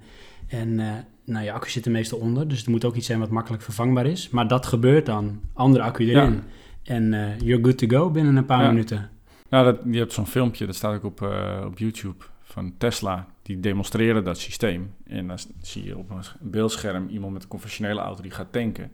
En tegelijkertijd komt die Tesla aanrijden en dan kijk, klik, klak, andere batterij erin. En die heeft dus net zoveel range erbij als die auto die dus nog steeds stond te tanken. En nou, ik geloof dat hij hem zelfs voor de tweede keer nog een keertje wisselt. Dus dat ging echt ontzettend snel. Sneller dan een normale tankbeurt. Maar zou dan toch uh, de techniek erachter of uh, de aanpassingen die je daarvoor moet doen, dan toch de, te kostbaar zijn of zo? Want anders dan zou je dat toch zo snel mogelijk doorvoeren. Zo. Ja, ja, ja, misschien. Ja, het is uh, denk ik uniek. Ja, ik denk Denk dat je moet toch die laadstations gaan bouwen. Ja, het is misschien een enorme investering om zo'n station uh, te bouwen. Plus alle automerken moeten natuurlijk wel ook met elkaar samenwerken eigenlijk. En dat, dat is ook wel iets wat wel misgaat, vind ik persoonlijk. Dat elk uh, merk heeft zo'n beetje zijn eigen stekker. Ja. En uh, zijn eigen laadsysteem. En weet je wel, het is, het is een beetje zoals vroeger met VS en Betamax, weet je wel. Er wordt heel erg, uh, iedereen vindt dat hij zelf het beste systeem heeft. Maar de geschiedenis wijst keer op keer uit dat er uh, blijft een winnaar overeind. Ja, dat, dat zal ook ongetwijfeld gebeuren. En bij Betamax en VS was het VS, omdat daar porno op te zien was. Dat dus als de elektrische auto meer porno wordt, ja. dat wordt hem dan. Ja, nou ja. Misschien een goed idee. Ja, dus dat is een beetje het, uh, het kip- en ei verhaal uh, wat dat betreft. Of dat wil, of dat gaat lukken. Of wat gaat lukken. Nou, wat voor systeem uiteindelijk uh, de winnaar wordt. Ja. want inderdaad, kijk, als je de investering moet maken en de rest werkt niet mee, dan is het maar de vraag of jouw investering het waard is. Nou, er is nu wel één universele stekker wat eigenlijk elke elektrische auto heeft. Dat is zeg maar de, de Mennekes stekker heet dat ding. Dat is een, nou, eigenlijk een stekker die, die al bestond. Die gebruik je dus voor, uh, voor wisselstroom. En dat is bij, eigenlijk bij alle auto's wel hetzelfde. Het is voornamelijk het snelladen, wat, uh, ja, daar is nog geen duidelijk systeem voor. En die ontwikkeling gaat ook ontzettend hard. Want uh, zoals Porsche, die heeft een paar weken geleden de, de, de Mission E onthuld. Die, want ook vooral de, de, de, snelle sportmerken, die zetten volledig in op elektrisch. Zoals Lamborghini heeft een elektrische auto in ontwikkeling. En de Mission E van Porsche, die gaat dus laden met een 800 volt systeem. En dat is weer helemaal nieuw. En door die spanning heel hoog te zetten, nou, dat weet je misschien wel uit je elektroopleiding, hou je de stroom laag en tank je even goed uh, zoveel vermogen. En uh, nou, die kunnen dus, die heeft voor mij een, range van 600 kilometer of zo en die laat dat in een half uur, zoiets. Dus die, die techniek gaat wel echt ontzettend snel ook. Maar is dat dan ook nog zo, uh, zeg maar, uniek of kostbaar dat dat ook niet zo snel mogelijk in de nu huidige elektrische auto's wordt geïntroduceerd of doorgevoerd? Zit daar een patent op of zo? Nou, dat weet ik niet. Dat zou kunnen. Maar ja, zoals Tesla, die heeft als patenten bijvoorbeeld opengegooid. Daar ja. mag iedereen gebruik van maken. Want dat was natuurlijk een beetje het, uh, uh, de wet van de remmende voorsprong... wat ik begrepen had uit die documentaire die ik gezien had. Van de... Uh, the Revenge of the Electric ja, Car of iets ja, dergelijks. echt een aanrader. Staat op Netflix. Op Netflix. Goeie tip. Pro tip. Pro tip. Want, linkje in, de, in de blog. Ja, een limpje... Of een limpje. Een limpje. Heb je nog een limp? een linkje in de show notes. Ja, want uh, daarin inderdaad, in die uh, documentaire gaven ze ook aan dat... Uh, eerst hadden ze volgens mij overal zo'n beetje patent op. En dan zit je dus mooi op je patentenberg en je denkt dat je het allemaal fantastisch voor elkaar hebt. Maar als het dus daardoor niet schaalbaar wordt, omdat jij daar als enige op die berg zit... dan is dat de wet van de remmende voorsprong. En je kan natuurlijk als ook een groot voordeel zien als je het allemaal vrijgeeft... en iedereen mag er iets mee doen dat dat ook uh, die ontwikkeling uh, ontzettend uh, boost geeft op ja. die manier. Ja, Tesla heeft natuurlijk ontzettend veel baat bij dat de elektrische auto zeg maar doorgaat naar een volgende fase. Dus dat, dat, dat de elektrische auto straks gemeengoed is. En ook niet onbelangrijk voor hun is dat Tesla natuurlijk een enorme batterijfabriek heeft opgezet. Dus ja, als hun natuurlijk ervoor zorgen dat die hele markt van elektrische auto's uh, heel erg groot wordt, ja, dan hebben die auto's allemaal een batterij nodig. Nou, rara politiepet, wie maakt die batterij? Dat is dan natuurlijk Tesla weer. Ja. Dus ze hebben natuurlijk wel, ook wel heel erg veel belang bij. Maar goed, ook vooral veel belang dat de ontwikkeling doorgaat. Weet je wel, dat uh, laat iemand maar met een uh, systeem komen wat heel ver kan. Is dan uh, Tesla in jouw oog ook de pionier op het gebied van elektrisch rijden? Ja, dat denk ik wel, ja. Ja, ja die hebben dat echt wel, die hebben wel echt hun nek uit. Nou goed, je hebt zelf die documentaire gezien, dus dan weet je een beetje hoe dat gegaan is. Dat is, die hebben wel echt, die zijn er echt in blijven geloven, ondanks dat dat allemaal heel erg moeizaam ging.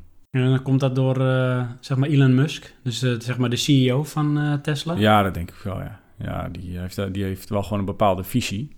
Ik heb toevallig van de week, zat ik even een beetje te speuren naar waterstof. En dan zag je ook dat een, een stukje van een persconferentie waarin Elon Musk in een gevraagd werd van, wat vind je eigenlijk van waterstof? Nou, die, die, die moest er een beetje om lachen, weet je. Van, nou, wat een belachelijke vraag, weet je wel. Waterstof, dat is natuurlijk niks. I don't want to turn this into a debate on hydrogen fuel cells because I, I just think that they're extremely silly. Um, um, so the and the people have published. There's multiple sort of uh, rebuttals of it of it online. Um, I mean the. It, it's just very difficult to, to make hydrogen and store it and use it in a car. Um, it, it, hydrogen is an energy storage mechanism. It's not a source of energy. Um, so you have to get that hydrogen from somewhere. If you get that hydrogen from from water, so you're splitting uh, H2O, uh, the electrolysis is extremely inefficient as an energy process. Um, so, the you know if, if you compare if, if you say took a, a solar panel and used that the energy from that solar panel to just charge a battery pack directly, uh, compared to uh, try to split water, take take the take the hydrogen, dump the oxygen, com- compress the hydrogen to an extremely high pressure or liquefy it, um, and then put it in a car and run, run a fuel cell, uh, that, it, it, is, it is about half the efficiency. It's terrible. Weet je, hij gelooft zo heilig in het product wat hij maakt. Dat, uh, daar kun je wel uh, bewondering voor hebben. En dat is denk ik wel de reden waarom hun zo ver zijn gekomen. Ja, het grappige daaraan vond ik. Uh, laatst hadden ze de update van Tesla. Dat die auto autonoom kan rijden. Nou, ja, gezien, als, ja. Stuur, ja, autopilot. Ja, als ondersteuning moet je het zien. Maar Tesla is wel, uh, of Elon Musk, een van de tegenhangers van uh, uh, robotauto's. Die wil, het moet elektrisch zijn. Dat is het vraagstuk. Van hoe krijgen we die energievraag opgelost? Niet het sturen van de auto. Ja. Dat is in een andere documentaire, ik weet niet meer welke. Maar ja, ik vond het dus een beetje verpand dat hun nu zo'n update hebben bij die auto ineens. Maar dat klopt. Maar daar stond volgens mij inderdaad ook uh, expliciet bij dat zij altijd nog uitgaan van een bestuurder achter een stuur. Ja, precies. Maar inderdaad wel op momenten, zoals op snelwegen of lange stukken, dan dat hij gewoon redelijk probleemloos autonoom kan rijden. Ja, ja, je bent gewoon nog steeds zelf verantwoordelijk. Alleen, um, zij nemen nu zo'n stap die nog niemand gemaakt heeft. In iets waarvan ik dacht dat zij ja. tegenstander waren. Ja, ik heb inderdaad ook wel eens ergens iets gehoord dat Elon Musk ook had gewaarschuwd van nou dat, dat, de machines er niet helemaal over moesten gaan nemen Klopt. van de mensen. Hij staat op een lijst van um, dat we geen uh, artificial intelligence moeten maken. Ja. Oh, ja. ja. Dus een lijst van allemaal mensen die daar tegen zijn. En daar staat hij dus ook op. Maar dan wordt het een andere discussie. Ja, ja, ja. nou, zoals de, de Mercedes uh, Phantom, weet je wel, dat, dat hele grote dure ding, die heeft ook autopilot. En dat is natuurlijk wel iets, weet je, er zijn heel veel bedrijven natuurlijk daarmee bezig met een autonome auto die echt helemaal zelf kan rijden. Google ja. doet het natuurlijk al een tijdje. En laten we onze grote vrienden van Apple niet vergeten. Ja, dat zijn alleen maar geruchten, maar goed, ze hebben wel, uh, geloof 200 man uh, uit de auto-industrie overgenomen. Dus. Project Titan of zo heet het? Ja, voor mij zoiets, ja. Zoiets. Volgens mij heeft die Mercedes Phantom meer computers dan een vliegtuig. Dus, uh, ik weet niet meer waar ik dat vandaan heb, maar er was dus een keynote van een van die ontwerpers. Uh, de enige reden dat we hem wielen gegeven hebben is omdat anders die computers op de grond sleepten. maar goed, ja. die, die, scant ook zoveel keer per seconde de vloer waar hij op rijdt om af te stellen. Ja. ja, dat is natuurlijk een bizarre auto. volgens mij meer een, een technische prestatie in plaats van ja, een auto ja, maken. Ja, er wordt natuurlijk eventjes even laten zien wie er langs hebt eigenlijk. Precies, ja. En als we dan uh, nog een blikje verder weg de toekomst inwerpen, wordt dan bijvoorbeeld een Tesla voor iedereen toereikend? Want volgens mij was dat ook de insteek van Tesla van uh, ten eerste willen ze kijken of elektrisch rijden mogelijk is. En dan op een gegeven moment willen ze kijken ook naar uh, schaalbaarheid. En dat is natuurlijk ook meer mensen kunnen bedienen met de auto als het ware. Denk je dat wij uiteindelijk ook een Tesla kunnen veroorloven? Of blijft het altijd een soort niche product? Nou ja, kijk, Tesla is natuurlijk een merk en dat merk staat voor iets. Dus ik, ik zie Tesla nog niet zo snel een uh, goedkope middenklasse uh, maken. Dat lijkt me ook niet verstandig. Weet je, dat zou net zoiets zijn als dat Apple met een, met een budget iets komt. Maar toch kopen heel veel mensen een iPhone. Ja, maar goed, het blijft wel een iPhone. En de Apple die gaat niet een iPhone aanpassen zodat, zodat ze hem voor uh, 100 dollar kunnen verkopen. En dan concessies doen op het gebied van design of techniek. Maar als dat nou niet hoeft, hè, doordat bijvoorbeeld schaalbaar kan ook betekenen als weet ik veel, technieken makkelijker doorontwikkeld worden of goedkoper worden, dan kun je het product misschien ook goedkoper leveren. Maar dat doet niks af aan de kwaliteit. Ja, zo ja. ja. Nou ja, misschien gaat dat gebeuren. Ja, dat zal de tijd uit moeten wijzen. Ik weet het niet. Het lijkt me niet verstandig. Dus het, het, lijkt mij dat Tesla zich een beetje blijft richten op toch wel wat, wat uh, hogere segment. Dat zou ik wel passen, wel vinden passen bij dat merk. Maar goed, misschien dat ze nog wel eens een, uh, een spin-off uh, bedenken onder een andere naam. Dat ze daar wat goedkopere auto's in gaan maken die voor de gewone man zijn. Maar sowieso op de korte termijn zie ik dat niet gebeuren. Dat zie je nu wel aan de lancering van die Tesla X. Die is niet gemaakt om, zeg maar, voor het gemiddelde gezin. Nee. Weet je, die gaan juist weer meer richting het exclusieve dan, dan richting... Want de Model S is eigenlijk redelijk betaalbaar. Ja. Dus nee, dat zie ik nog niet zo gebeuren. Maar je ziet wel dat vrijwel alle autofabrikanten elektrische rijden wel echt serieus nemen. Ja, dat, Volvo die is daar uh, volop aan het zetten. Volkswagen die is wat laat ingestapt, maar die uh, heeft met de Golf GTE natuurlijk wel echt een behoorlijke inhaalslag gemaakt. Ja, die heeft uh, mijn zwager en daar heb ik ook een stukje in mogen rijden. Dat rijdt ook best wel apart. Ja, het is wel natuurlijk een, het is een hybride auto. Ja, hij heeft wel een benzinemotor. Hij heeft een benzinemotor en dat is zeg maar, die stuurt ook de as aan. Maar hij heeft dus die elektrische motor erbij en mijn zwager die die woont in Alkmaar, werkt in Den Helder. En je kan 40 kilometer ongeveer rijden, eh, elektrisch, volledig elektrisch. En als je dus ook heel rustig rijdt, dan, eh, dan haalt hij dat wel. Dus dan kan je eigenlijk wel uh, volledig uh, elektrisch rijden. Maar waar hij vooral voor gebruikt wordt, want hij had ook al van een beetje flink doorrijden, is dat hij als een soort met turbo dient. Ja. Nou, dat heb ik ook even gedaan. Ja, dat is gigantisch. Ja, dan komt een hoop pk, want hij heeft volgens mij alles bij elkaar meer dan 200 zoveel pk. Als beide systemen operationeel zijn. Ja. ja dan trekt hij bijna de straatsteen uit de grond. Ja, dat is natuurlijk met elektrisch rijden. Die hebben, dat heeft natuurlijk een enorm koppel. En het, dat merk je vooral in het stukje 0 tot 50 km per uur. Dan is dat gewoon ontzettend snel. En je merkt wel bijvoorbeeld dat uh, uh, boven de 120 km per uur wordt het voor een elektromotor gewoon ja, minder. Weet je wel? Daar zit gewoon niet heel veel vermogen in op dat gebied. En dan is natuurlijk zo'n combinatie tussen uh, wat Golf uh, met zijn GTE doet. Dat is natuurlijk eigenlijk uh, heel slim. Heb je echt een raket, heb je dan? Ja, absoluut. Alleen Volkswagen heeft natuurlijk weer andere imago-problemen. Die heeft wat andere dingetjes uit te leggen. Ja, maar weet je, dat is wel zoiets. Dat geeft denk ik wel precies aan waar we nu zitten met een verbrandingsmotor. Ja, ze hebben natuurlijk een foefje uitgehaald om het ding schoner te laten lijken. Maar ik denk dat, dat, dat ze dat alleen maar hebben gedaan omdat die motor die kan niet schoner als dat die nu is. Weet je wel, ik denk dat de rek is er wel een beetje uit wat je nu kan met een verbrandingsmotor. Dat, dat stopt op een gegeven moment. Schoner dan dit wordt het niet. Het is nou eenmaal een proces waarbij vervuiling komt kijken. En, er is nog wel een andere Volkswagen-project, ik weet niet hoe dat heet. En ik weet ook niet of dat überhaupt gaat gebeuren. Maar daar streefden ze naar uh, dat je zo weinig brandstof nodig hebt, dat die vervuilingswaarde er niet meer toe doet. Dat is, ik weet Renault of... die, die heeft ook zo'n studiemodel. Ook zo'n auto die met 1 liter brandstof echt uh, bizar ver uh, kan rijden. Ik dacht dat Volkswagen er ook een dat ze hem al hadden. En dat is een beetje een lelijke druppel uh, ding is het. En op alles is ook concessies gedaan om dat dan voor elkaar te krijgen. Ja. Maar ja, de bestaande wagens, die, dat zijn allemaal van die TU-apparaten. Ik geloof dan duizend kilometer op een liter doen of zo. Ja, ja, weet je, dat zijn dingen die. Dat is natuurlijk heel interessant om te bouwen, om, om daarop uh, te gaan studeren. Maar het is niet iets wat, wat we, waar we dagelijks mee naar ons werk gaan rijden met zoiets. Nee, nee het moet uh, vervangbaar zijn met wat we nu hebben, anders gaat het niet werken. Dat is denk ik ook een beetje uh, ja, de crux met de huidige elektrische auto's dan. Het is nog niet volledig vervangbaar met wat we nu hebben. Nee, nee. Ja, het is natuurlijk ook een, een kleine uh, groep waar het echt interessant voor is. En dat, ja, en die, nou ja, kleine groep op zich valt dat wel mee. Want als jij natuurlijk minder dan 100 kilometer per dag rijdt, wat uh, ik denk uh, 90% van de mensen wel doet. Misschien met minder, maar nou, een hele grote groep doet dat wel. Daar is een elektrische auto al interessant voor. Het gaat alleen om die incidentele ritten die langer zijn, ja, dat is dan wel wat lastiger. En dat, dat schrikt een hoop mensen af, denk ik.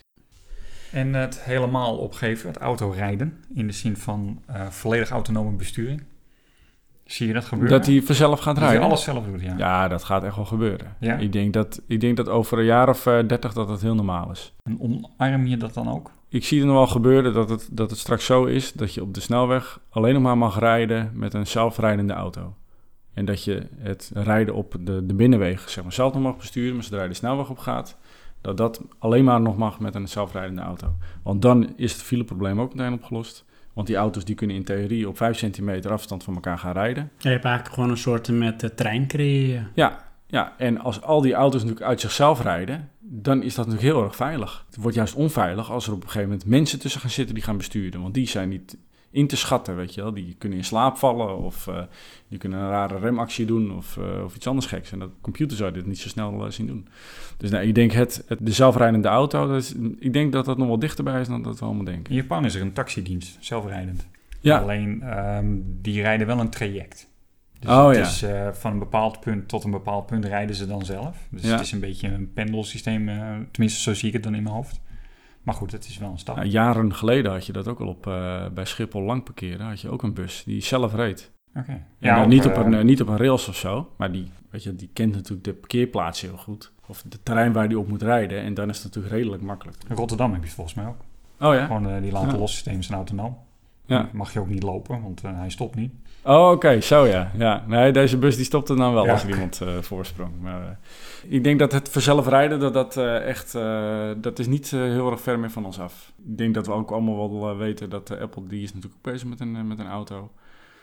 En het zou wel heel gek zijn als dat een auto is die je zelf moet besturen, denk ik. Dat, ik denk wel dat het een zelfrijdende auto wordt.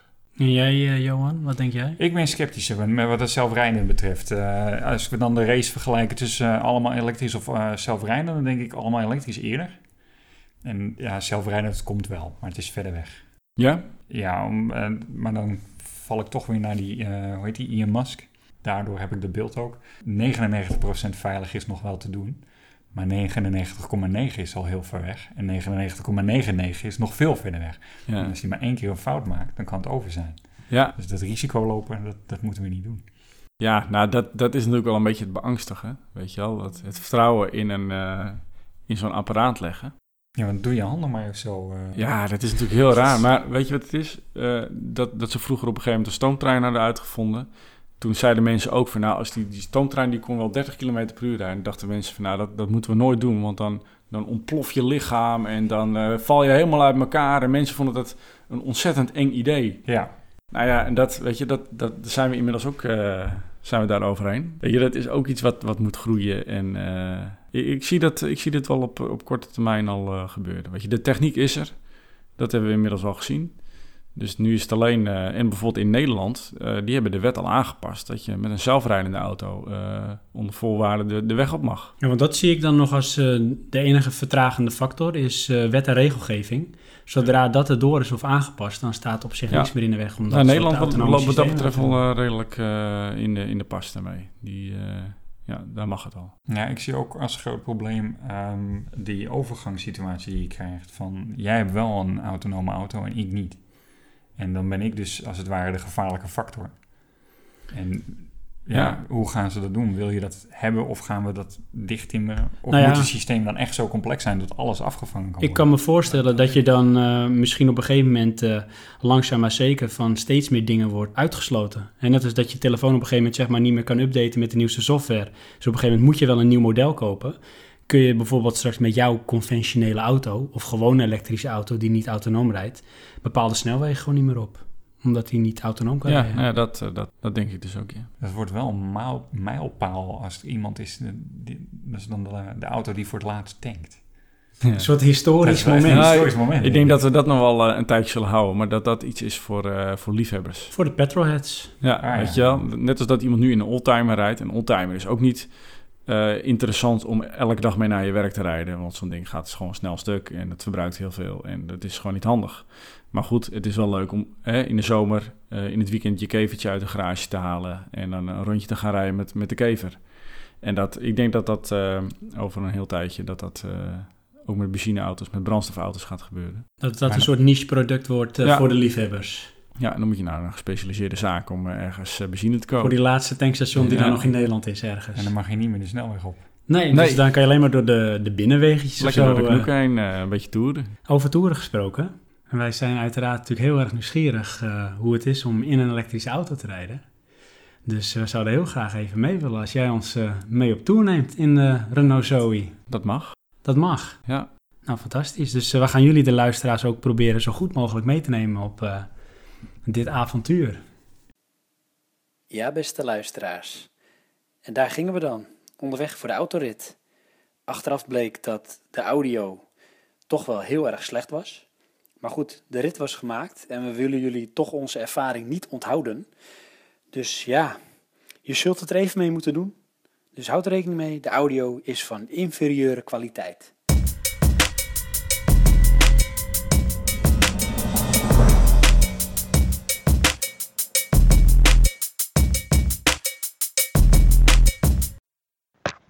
Nou, we gaan een stukje rijden. In eh, de auto van eh, Frank. De elektrische auto. De lamp uit of zo? Ik even mijn sleutels op. Dit is goede voorbereiding. Een elektrische auto heeft blijkbaar nog steeds een sleutel. Dat is toch wel bijzonder, want het is niet echt dat je, Hoeft zeg maar, een... eh, Heb je geen knop? is dat voor de vorm? Ja, nee, ik heb wel een uh, knop. Frank loopt heel onrustig door zijn huis. Hij is in de gang. Ik ga achtervolgen. Hij trekt blaadjes open. Ja, hier ligt nog een recept. Hij ligt een reservesleutel. Het ziet eruit als een pinpas. Dat is wel vreemd. Oké, ik ben er klaar. Zijn we klaar voor? We zijn klaar. We zijn klaar. We lopen naar buiten. En eh, de auto is niet gestolen. Hij staat er nog. Er staat er Zoe met ook reclame van eh, zijn bedrijf, Smeders. Hij heeft een mooie oprit voor zijn huis. En eh, daar staat hij dan. De zwarte Renault Zoe. Ik heb de sleutel van een andere auto mee. Hij heeft de sleutel van een andere auto. Dat is toevallig ook een Renault. Die zult het altijd zien. Ja. Nou, het is ondertussen best wel koud buiten. dus we hopen dat Frank toch wel een beetje haast maakt. Ja, onder. Ah, de sleutel is gevonden. En kans. Herkansing. Even kijken. Ja hoor. Prima, zou je de deur voor mij kunnen openen? Johan die de deur voor mij open. Ga ik even voorin zitten. Ik stap in de elektrische auto. Eerste wat je ziet is... elektriciteit. De deur is dicht. Ja, Hoe gaat dit over? Johan die zoekt de deur. Ja, er zit een. eh, Oh ja, er zit een kleine gadget. eh. Oh, Ja, kijk. Ja. Nou, even kijken. We zitten in de auto. Johan, moet ik naar voren een stukje? Johan ondertussen ook bijna. Nog meer? Of eh, zit je Nee, zo? is goed zo. En laten we eens even een beetje de auto proberen te omschrijven. Ehm, hij ziet er heel stijlvol uit vooral. Het, het straalt... wat mij opvalt is het Oh, scherm wacht, en wacht. het jogdial. Johan, ja. Het eerste wat mij opvalt is het scherm en het jogdial. Deze, eh, Ja. dit. Oh ja, absoluut ja. Ja. Dat is een eyecatcher. Een eyecatcher, inderdaad. Ja, dat is van de, van de vorm. Frank heeft ondertussen de auto gestart. Nou, kunnen we. We kunnen. Nou, we rijden. Wat je misschien ook al kan horen, is dat tot 30 km per uur eh, maakt de auto een geluid aan de buitenkant. Hoor? Als je het goed hoort. Dat is niet het wiebelen of toe. Is de raam open staan. Laten we eens even luisteren. Het raam is even open gedaan.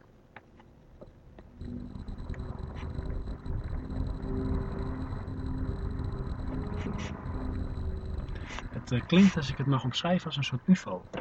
Ja. Ja, je kan zelfs een ander geluidje weer over. Dit is maar het standaard geluid. En het is om, eh, om eh, voetgangers te waarschuwen. Ja, die maakt heel weinig eh, geluid. En dit is wel echt een heel effectief systeem, want mensen horen je echt aankomen. En ik heb het in het begin wel eens een keertje gehad dat dat systeem kapot was. En eh, als je dan eh, zeg maar ergens rijdt waar veel mensen ook wandelen, dan schrikken ze echt als je in één om de hoek eh, Is dat ook verplicht in elektrische auto's? Voor mij is eh, inmiddels verplicht. Ja, want eh, de Mitsubishi VF maakt ook geluid en de i3 ook. Ik denk wel dat dat een verplicht nummertje is. Nou ja, want dat zal dan waarschijnlijk gelden voor volledig elektrische auto's. Want ik weet eh, dat die GTE, die Golf, die eh, heeft dat dus niet. Als je daar wegrolt, dan maakt hij gewoon geen geluid. Ah, oké. Ja, nou, Prius heeft dat inderdaad ook niet. Dus misschien inderdaad dat het dan voor volledig elektrische auto's geldt. We rijden ondertussen 54 km per uur. En wat ook meteen opvalt is toch wel de snelheid waarmee die auto optrekt. Je vangt erop een beetje het gas in en je gaat meteen. En dat is precies eh, wat hij ook aangaf. eh, die, eh, je, het, je hebt oneindig koppel of je hebt geen koppel, hoe noem je dat? Nee, je hebt, je hebt continu hetzelfde koppel. Bij een machinemotor is dat afhankelijk van je, van je toerental en de versnelling waar je in zit. En dat, dat merk je ook wel als je bijvoorbeeld X2 optrekt, dat hij bij een bepaald toerental meer power heeft dan, dan zeg maar het begin of het eind. En dat is bij een elektromotor is dat gewoon continu hetzelfde. Oké. Ehm, nou, bij 50 km per uur geeft hij aan dat hij ongeveer 24 kilowatt verbruikt. Het zal vooral zijn omdat je nog aan het optrekken bent. Ja, en we rijden ook een stukje lutte. Oh ja, we rijden ook een stukje op. Dat is ook zo.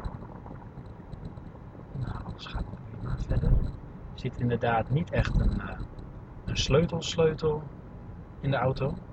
Maar wat is er dan wel? Een soort Ja, pasje, een kaartreader. En er zit een start-stop knop Zo. ook het displaytje zien. En als je uitrolt of gaat remmen, dan zie je dat hij terugwint. Zie je. Dus hij is nu 13 kilowatt aan het opwekken tijdens de rem. Oh ja, ja. Normaal gesproken als je rijdt zie je dus eh, hoeveel kilowatt je verbruikt, actueel verbruik, met eh, witte cijfertjes.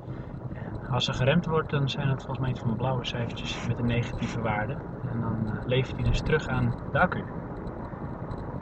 Nou, voor de rest eh, heb je niet het idee dat je niet in een auto rijdt. Het is eigenlijk gewoon een auto met een andere aandrijving. En achterin, eh, Johan. Ik heb een beetje een vliegtuiggevoel. Maar dat is meer omdat het allemaal lampjes heeft en eh, dingetjes en dat het anders is. denk ik. Ja, ja, ja. En het, het, het geluid van de motor zelf ontbreekt. Het is wel zo, eh, je hoort de banden rollen.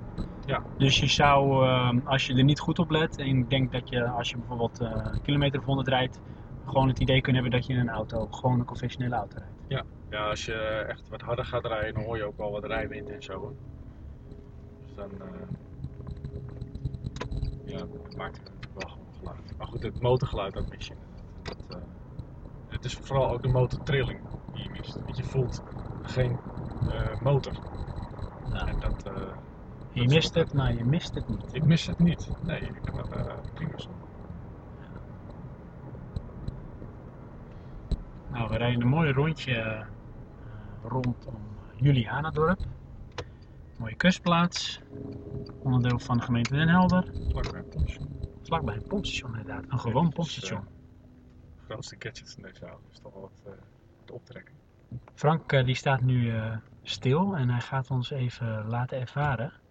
En jullie dan indirect ook hoe het is om eh, even flink gas te geven en op te trekken met deze auto. Nou, daar gaan we.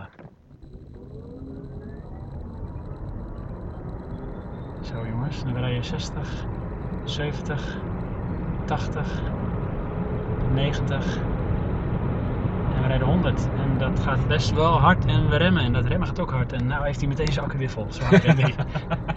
Zo, de knetters. Weet je wat voor eh, gevoel dit gaf? Als een achtbaan. Ja. Ja, je wordt er wel echt in je, Displaytje. geduwd. Ja. Het displaytje wordt ook meteen paars, zie je dat? Dat is een beetje om mij eh, te inspireren voor joh, eh, je hebt nu toch wel een beetje te hard gereden, te veel verbruikt. Ah, oké. Dus de kleur van het display die past zich continu aan op je, op je rijstijl. Dat is wel eh, grappig inderdaad. Eh, het is nu een soort paarse zweem die er overheen zit. Dat wordt nu al blauwer. Of Ja. is, ja, ja. Oké, dus dat, geeft een beetje op een eh, niet dwingende manier een beetje eh, het idee hoe je rijdt. Ja, en dat doet hij ook met een eh puntenscore. Dat zie je dit display nu. Zie je nu 87 van de 100 punten. En dat geeft dan aan van nou, anticipatie, daar, daar kan ik op zich nog een paar punten mee halen. Dus dat is het uit laten rollen en rustig gaan optrekken en dat soort dingen. Nou, dat klopt allemaal, dat hebben net eventjes op staart getrapt. Ja. Heb je nu in totaal, want ik zie hier afstand 3266 kilometer. Is dat de totale afstand die ermee gereden is?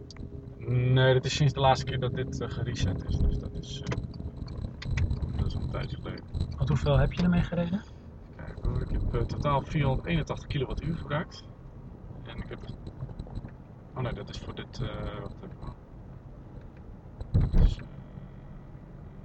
24.279 Ah, dat is al best een mooie afstand wat ermee gereden is. Ja, ik heb ook nog bij Ja, dat is ook best. Dus op zich, ik rijd niet zo heel veel. Ik heb hem nu eh, sinds eh, nou, begin 2013. Of eh, 2013. Ja, 2013. Nou, dat is heel fraai. We rijden alweer langzaam terug, merk ik, richting de thuisbasis. Want ja, we moeten toch ook even rekening houden dat er iets kan gebeuren met moeder de vrouw.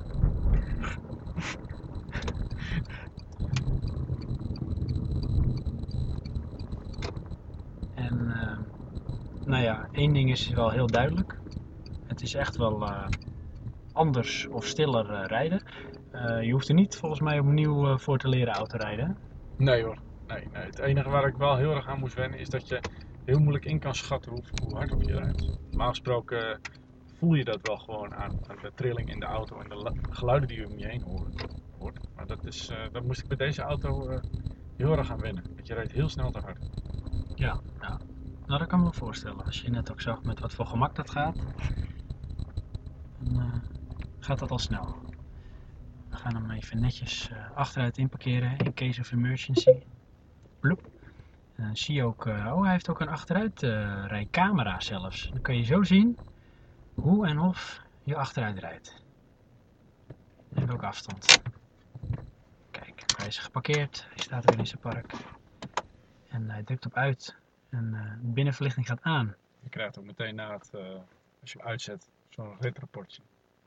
Wat we net ook hadden zeggen. Dus dat je kan zien of je een beetje eh, netjes hebt gedragen. Nou, je hebt er ruim voldoende, Frank. Je hebt eh, 87 van de 100 punten. Dat valt niet tegen, hè? Nee. Dat valt niet tegen. Johan, wat vind jij ervan? Wat vind ik ervan? Ja, het, het is wel een ervaring, moet ik zeggen. Ehm, maar het blijft wel autorijden, natuurlijk. Het eh, klinkt misschien een beetje negatief, maar ja, het is een stukje anders. Had je het anders verwacht?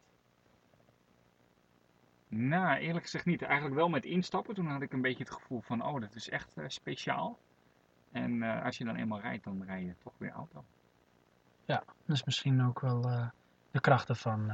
dat wat dat betreft gewoon autorijden is, maar dan nieuwe stijl. In deze mooie Zoe. Dus nou, dat was onze mooie testrit. Ik stel voor dat we weer naar binnen gaan. Verder met uitzending. Verder met uitzending. Verder.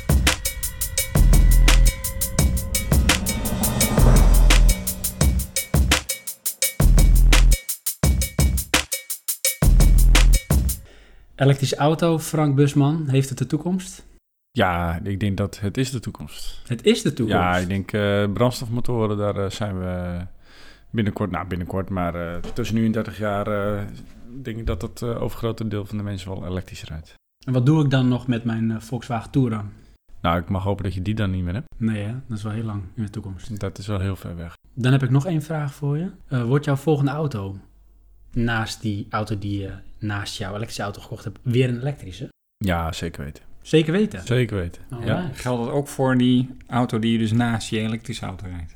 Eh, nou, als er een betaalbare gezinsauto is eh, tegen die tijd, dan eh, zou ik dat zeker overwegen, ja. Ik, ik hoef niet per se een brandstofauto te hebben. We hebben deze auto gekocht gewoon omdat we een grotere auto eh, nodig hadden. En ja, binnen ons budget eh, zat er sowieso geen eh, elektrische auto eh, tussen. Al zou die al bestaan. Als dat ooit eh, anders is, dan eh, zou ik dat zeker wel overwegen. Ik zie dat niet als een beperking of zo.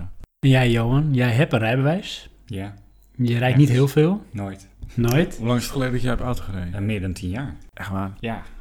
Ja, wij hebben nooit auto's gehad. Dus dan eh, pak je niet even gauw de auto en dan heb je het ook nooit nodig gehad. Je leent er ook niet eens eentje of zo? Nee, nee ja, dat had dan van mijn broer moeten zijn, maar die had een auto van de zaak en die mocht niet privé rijden. Oh, ja. Dus dan, eh, ja, wat En als je nou ergens een kast op moet halen, hoe doe je dat? dan... eh, Met de bus? Johan heeft geen kast in huis. Ja, oh, je hebt ook geen kast Nee, in huis? wel, maar ik bouw ze zelf. Oh, Dus houdt maar bij dan de... houdt- En dan laat ik bezorgen, dan je op maat elek- gesneden. Oh, dat kan natuurlijk ook, ja. Nee, ja, dan moeten we altijd wat regelen. Dat is ehm, tot nu toe altijd gelukt. Ja, nou ja, als het al tien jaar zonder kan, dan eh, gaat de volgende keer ook nog Die wel. laatste tien jaar ook nog wel. Maar dan heb je straks, eh, Ja. alles is elektrisch en zo. Zou je dan wel uiteindelijk een elektrische auto willen, omdat het je misschien wat tof lijkt? Of Nou, dat je nee, toch weer ik auto denk, wil eh, rijden? Ik zou misschien een auto kopen als die volledig autonoom is. Want het is voor mij puur transport. Treinreizen is vreselijk, net als vliegen. Maar als het in je eigen afgesloten ruimte is, dan... eh, wordt het wel draaglijk. Je doen wat je wil. Ja, dat vind ik kan je dus... invullen. Ja, dat vind ik het grootste nadeel van eh, met openbaar vervoer. Is... eh, Ja, ik- andere mensen. Ja. Je zit niet in je personal bubble. En ik heb dan altijd constant het gevoel, net als dat je bijvoorbeeld eh, bij de tandarts zit, dat je zit te wachten tot je aan de beurt bent. En dat is dan de hele rit. Want je zit maar te wachten. Je kan niks doen. Je hebt er zelf geen controle over. Nee, maar je kan juist wel wat doen in de, in de Ja. trein. Oh, misschien moet ik dat wel eens doen. Ik heb, eh weet het, mezelf PHP geleerd zo eh, in de trein. Want die rit was zo, zo lang. Nou, dan kon ik wel wat gaan doen. En wat is eh, PHP van onze eh, luisteraars? Eh, een eh, scriptingtaal, eh, kort door de bocht gezegd. En dan op de computer of zo? Ja, eh. dat eh, was net genoeg tijd eh, om dan mijn laptop op te starten en even een beetje te rommelen. En dan was ik alweer thuis. Ik heb ook daarna ergens anders gewerkt, toen werd die afstand net te kort. Dan zit je echt van, nou, dan ga je maar boekjes lezen of zo. Dus voor jou denk je dus wel elektrische auto de toekomst? Ik denk sowieso, ja. Hoe de brandstofdrager is of zo, dat zal de technologie uitwijzen. Maar ik denk dat het wel elektrisch gaat. Oké, maar voor jouzelf dus eh, vooral als het autonoom kan. Ja, voor mij is gewoon het principe autorijden... Het, ik zeg niet dat ik nooit een auto zou kopen, maar mijn insteek zou dan autonoom zijn. Zie jij jouw toekomstige auto ook elektrisch? Ja, ja. Ik wilde eigenlijk al een hybride. Ik had ook heel serieus een eh, Toyota Prius overwogen, dan de plug-in hybrid. Alleen eh, qua ruimte ja, en ook qua kost uiteindelijk kwam ik er gewoon niet uit. Dus toen is het een hele vieze, vervuilende Volkswagen Touran met een dieselmotor geworden. Wel met een chip. Eh, nee, deze is daar te oud voor. Maar hè, als er een lijk in de kast zit, dan zijn er vaak nog meer kasten met lijken erin. Dus het zou me niks verbazen als ze daar ook mee eh, hebben lopen trucendozen, de boefjes. Maar uh, mijn volgende auto wordt sowieso minimaal een hybride. Want het is ook even de vraag uh, hoe goed betaalbaar uh, tegen die tijd een elektrische occasion is. Maar de droom is wel een elektrische auto. En ik had ook al een keertje overwogen om voor het werk een uh, Renault uh, Twizy aan te schaffen. Oh. En dat is zeg maar een soort tweepersoons elektrische auto. Ja. En die kan volgens mij iets van 40 of 50 kilometer rijden elektrisch. En uh, die heb je in twee uitvoeringen. Uh, 45 kilometer uitvoering, dus dan mag je ook als je je bromrijbewijs hebt uh, mee rijden. En de eentje die volgens mij 80 kilometer per uur kan. En dat leek me vooral vanwege de techniek. Want dat vind ik dan wel mooi, elektrisch. En qua vorm en grootte gewoon een praktische auto. Of een vervoersmiddel. Ja. Het is niet echt een auto. Ja. Maar dan mag, mag je daarmee de snelweg op. Ja, daar wordt gewoon ook wel mee op de snelweg gereden. Alleen, kijk, ja, dat ding dat gaat niet harder dan 80. En, uh, ja, het is daar natuurlijk niet echt voor geschikt. Het is daar niet voor Het bedoeld. heeft ook geen dichte cabine. Nou, je zit dat klopt. buiten. Je zit eigenlijk buiten. Je moet eigenlijk zien als een soort met uh, nou, iets uit de kluiten gegroeide scooter. Ja, is een kart. Maar je hebt dus al heel veel uh, zeg maar aangepaste modellen. En die hebben gewoon uh, netjes raampjes erin. Dus dan, ja, hij ja, heeft een beetje het... van die schuifdeur omhoog. omhoog. Die raampjes die moet je erin ritsen. Hè? Het is gewoon een soort zeiltje is dat. Nou, nee. Volgens mij hebben ze ook... Plexiglas. Nou, nee, inderdaad, zoiets. Dus okay. je hebt die, die deuren, die gaan zo schuin omhoog open. En, lijkt uh, nog een beetje Lamborghini. Dan ben je een ja. soort van afgesloten. Ja, lijkt, het, lijkt het nog wat. Maar uh, ze hebben dus aangepaste modellen. En er zit volgens mij inderdaad een soort uh, plexiglasachtig glas zit daarin. Dus dan heb je ja, toch een afgesloten cabine. Ja, ik heb wel eens mee gereden met zo'n ding. En hoe reed dat? Nou, dat rijdt echt best wel goed eigenlijk. Ja, het, ja, is, het, het, is meer te vergelijken met een... Ja, het zit een beetje tussen een, een, een brommer en een auto in eigenlijk. Weet je wel, je Twister, dat was in die Twisty waarin ik uh, heb gereden. Die had dus ook niet van die, uh, van die zijpaneeltjes. En Twisty is ook gewoon echt een open cabine. Dus je hebt wel heel veel lawaai van de wind en dat soort dingen. Dus wat dat betreft gaf me een beetje het gevoel alsof je in een brommer zit. Maar je zit wel echt in een dichte cabine, weet je wel. qua als het gaat regenen of zo. Maar voor in de winter lijkt het me dat niet echt super... Nee, dan zal het iets minder zijn. Maar kijk, als ik kijk naar hoe ik bijvoorbeeld naar mijn werk ga. Ik woon ongeveer een half uur van mijn werk af. Ik kom geen stoplichten tegen. En heel veel, uh, eigenlijk bijna alle wegen, behalve het laatste stukje, zijn allemaal eigenlijk van die uh, boeren- of binnenwegen. Waar ik gewoon rustig wel geasfalteerd kan rijden. Ja, daar leent het zich perfect voor ja. wat dat betreft. En dat scheelt enorm veel geld. Ja, en ze zijn ook heel goedkoop in aanschaf. Zeker als occasion. Want je hebt voor 4000 euro ongeveer, heb je dus een, ja. een tweedehands Twisty. Ja, ik zou het doen. Ja, misschien ooit nog eens. Als, uh, maar dan wordt het een derde auto, zeg maar. Want kijk, we hebben een gezin. En dan heb je ook wel de ruimte nodig. Dus die grote auto die blijft. En uh, mijn vrouw die heeft ook een auto nodig om naar haar werk te kunnen. Dus dat is dan zeg maar de tweede auto, een uh, Peugeot dat zou met die, uh, met die Touran? Nou ja, zij zou met de Touran kunnen. Maar dat is voor de kortere stukjes die zij rijdt wel killing voor die diesel. Dus dat wordt het Oh niet. ja. Nou goed, dan koop je een andere auto daarvoor in plaats. Ja, dat zou de dieselweg kunnen. Dat zou nog een optie zijn. Maar het is geen mooie auto, die Twizy. Nou, nou, weet ik niet. Ik vind hem op zich best wel mooi. hoor. Ja? Nou ja, weet je, het is natuurlijk, ja, je moet het niet vergelijken met een auto, denk ik. Nee, dat is waar. Er zit wel een stuur in en vierwielen. Dat doen we wel. Nou, niet in hoor, maar er zitten vier Ja, die zit aan de buitenkant. Ja. Klopt. Ja, behalve het stuur, dat zit wel aan de binnenkant. Ja, dat, eh, ja, laatste keer dat controleren wel. Ja, als het goed is wel. We hebben uitvoerig gesproken over de elektrische auto. We hebben kennis gemaakt met eh, Frank Busman. Frank, wat vond je ervan? Ik vond het eh, ontzettend leuk. Ja? Ja. Wat vond je er zo leuk aan? Je moet altijd open vragen stellen. Oh ja, nee, nou, het is een onderwerp waar ik sowieso graag over praat. We zijn heel benieuwd wat jullie, de luisteraars, eh, vinden van eh, dit onderwerp, hè, van de elektrische auto. Heeft het de toekomst of heb je daar een hele eigen andere mening over? Hè, is waterstof niet zo explosief als dat ik denk? Of je bent nieuwsgierig naar misschien het bedrijf van Frank, smeders.nl is het. Een web- en reclamebureau. Heb je nog een laatste nabrander, Johan en of Frank? Nee, nee, ik denk niet. Nee. We hebben nog een verrassing voor je. We hebben altijd een, een outro. En eh, ik eh, heb die outro eh, zelf gemaakt. Maar we willen nu een outro van jou gaan gebruiken. Want jij hebt in het verleden natuurlijk best wel veel muziek gemaakt Oh, met zo. vasttrekker. Ja, Dus jij mag degene die jij zo graag zou willen horen ooit eens. Die mag je ons toesturen. En die, dat wordt dan de, de outro. Nou, dit was eh, aflevering 2 van Praatje Podcast. En eh, bedankt voor het luisteren. En tot aflevering 3.